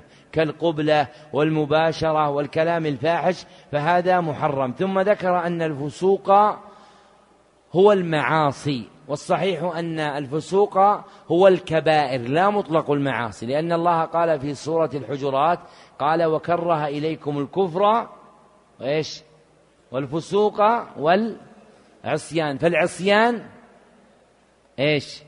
الصغائر. والفسوق الكبائر والكفر الذنوب المكفرة. فالفسوق في خطاب الشرع يراد به الكبائر. قال والجدال المخاصمة في الباطل أو فيما لا فائدة فيه. فالذي لا فائدة فيه لا يخاصم فيه وآكده أحكام الحج البينة. فهذه لا يخاصم فيها لأن النبي صلى الله عليه وسلم حج وبين الحج. وبينه الله في القرآن فلا ينبغي الخصام في الحج. فيأتي إنسان يقول لماذا نذهب نبيت في منى؟ هذا مشقة علينا. أنت بيت في منى لأن إمامك ومقدمك وهو محمد صلى الله عليه وسلم بات في منى. فلا تجادل في هذا وسلم لأمر الله سبحانه وتعالى وأمر رسوله صلى الله عليه وسلم. ثم ذكر أنه يحرم على المحرم على المحرم الذكر تغطية رأسه بملاصق أي ملازق له ملامس له كالطاقية والغترة والعمامة ونحو ذلك. قال وهكذا وجهه لقول النبي صلى الله عليه وسلم لمن سقط عن راحلته اغسلوه بماء وسدر وكفنوه في ثوبه ولا تخمروا رأسه ووجهه. متفق عليه وهذا لفظ مسلم. والمحفوظ ولا تخمروا رأسه. أما زيادة الوجه فهي شاذة.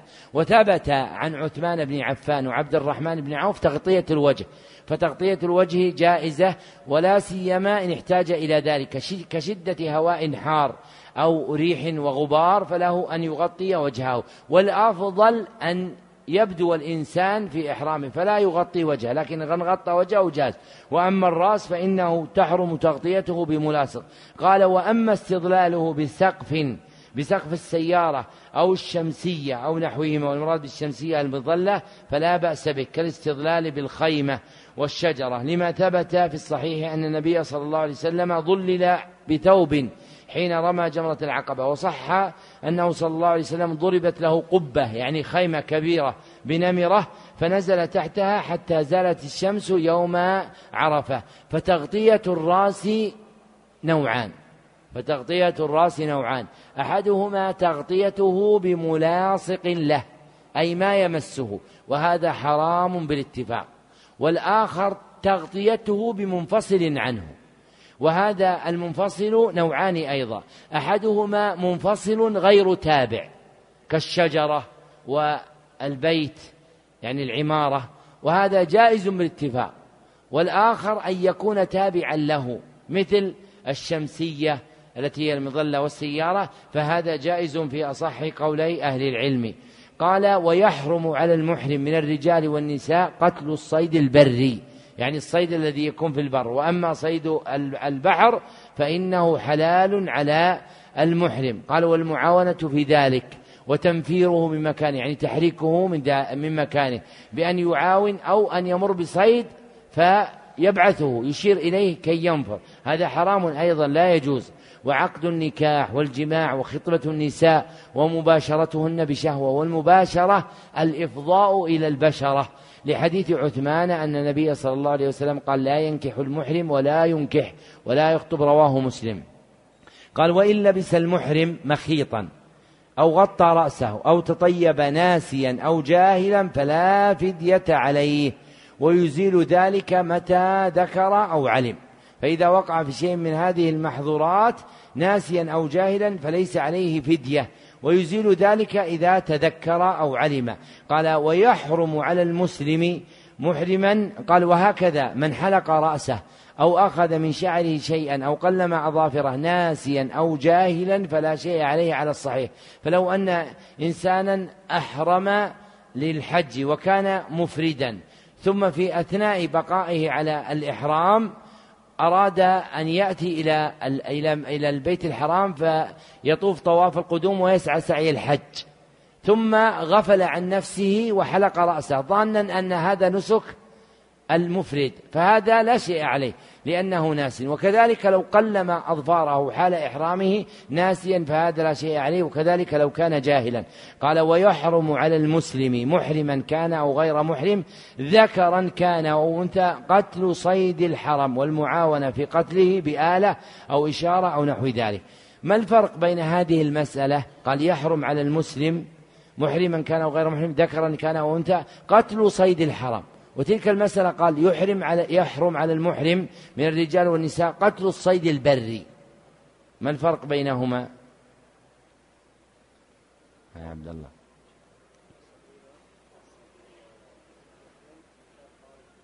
يعني المسألة الأولى المحرم ولو كان خارج حدود الحرم فإذا أحرم ولو لم يدخل حدود الحرم هذا يحرم عليه الصيد البري. وأما الثانية؟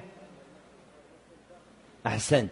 الثانية المحرم وغير المحرم داخل الحرم فالمسألة الأولى متعلقة بحال المحرم والمسألة الثانية متعلقة بموضع الحرم ولو لم يكن محرما. فالمحرم لا يجوز له أن يقتل الصيد البري وأن يعاون عليه ويجوز له صيد البحر. وأما في داخل الحرم فالعبد سواء كان محرما أو غير محرم لا يجوز له قتل الصيد ولا تنفيره ولا المعونة على ذلك. واضح؟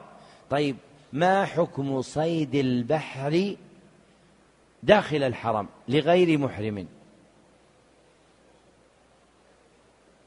ما الحكم؟ ها؟ ما في إيش؟ بإجماع الجن والإنس أن ذلك يوجد. أي نعم. قل الله أعلم. لا يكون هذا جوابك. لأنه إذا كثرت السيول في الحرم واجتمعت وبقيت مدة يكون فيها سمك. فيوجد. نحن لا نسأل عن البحر أن صيد البحر والبحر ليس المراد به الماء المالح. البحر هو ما استبحر من الماء يعني ما عظم وكثر. فيسمى بحرا وإن لم يكن مصنفا في الجغرافيا أنه بحر. ما الجواب؟ الحل. لماذا؟ بس هذا في حق المحرم ليس في الحرم. الصحيح أنه يحرم لأنه في الحرم. فصيد الحرم ولو كان بحريا هو حرام لأنه داخل في جملة تعظيم الحرم. فتعظيم الحرم كما قال النبي صلى الله عليه وسلم لما ذكر مكة قال لا يعضد شجرها ولا ينفر صيدها. يعني أي صيد. سواء كان بحريا أو كان بريا. قال في ذكر ذلك لقول النبي صلى الله عليه وسلم إن هذا البلد يعني مكة حرام بحرمة الله إلى يوم القيامة لا يعضد شجرها يعني لا يقطع شجرها والمراد به الشجر الأخضر. أما الشجر اليابس فهذا يقطع. قال ولا ينفر صيدها ولا يختلى خلاها يعني حشيشها لا يقطع. قال ولا تحل ساقطتها يعني الضائعة إلا لمنشد يعني إلا لمعرف. ثم قال ومنى ومزدلفة من الحرم وعرفة وأما عرفة فمن الحل يعني من وجد صيدا في عرفة. يجوز صيدها أم لا يجوز؟ يجوز ولا يجوز. يجوز إن كان هو غير محرم هذا يجوز. وإن كان هو محرم فلا يجوز له أن يصيده. وهذا آخر البيان على هذه الجملة من الكتاب ونستكمل بقيته بعد صلاة العصر والمغرب بإذن الله تعالى. الحمد لله رب العالمين وصلى الله وسلم على عبده ورسوله محمد وآله وصحبه أجمعين.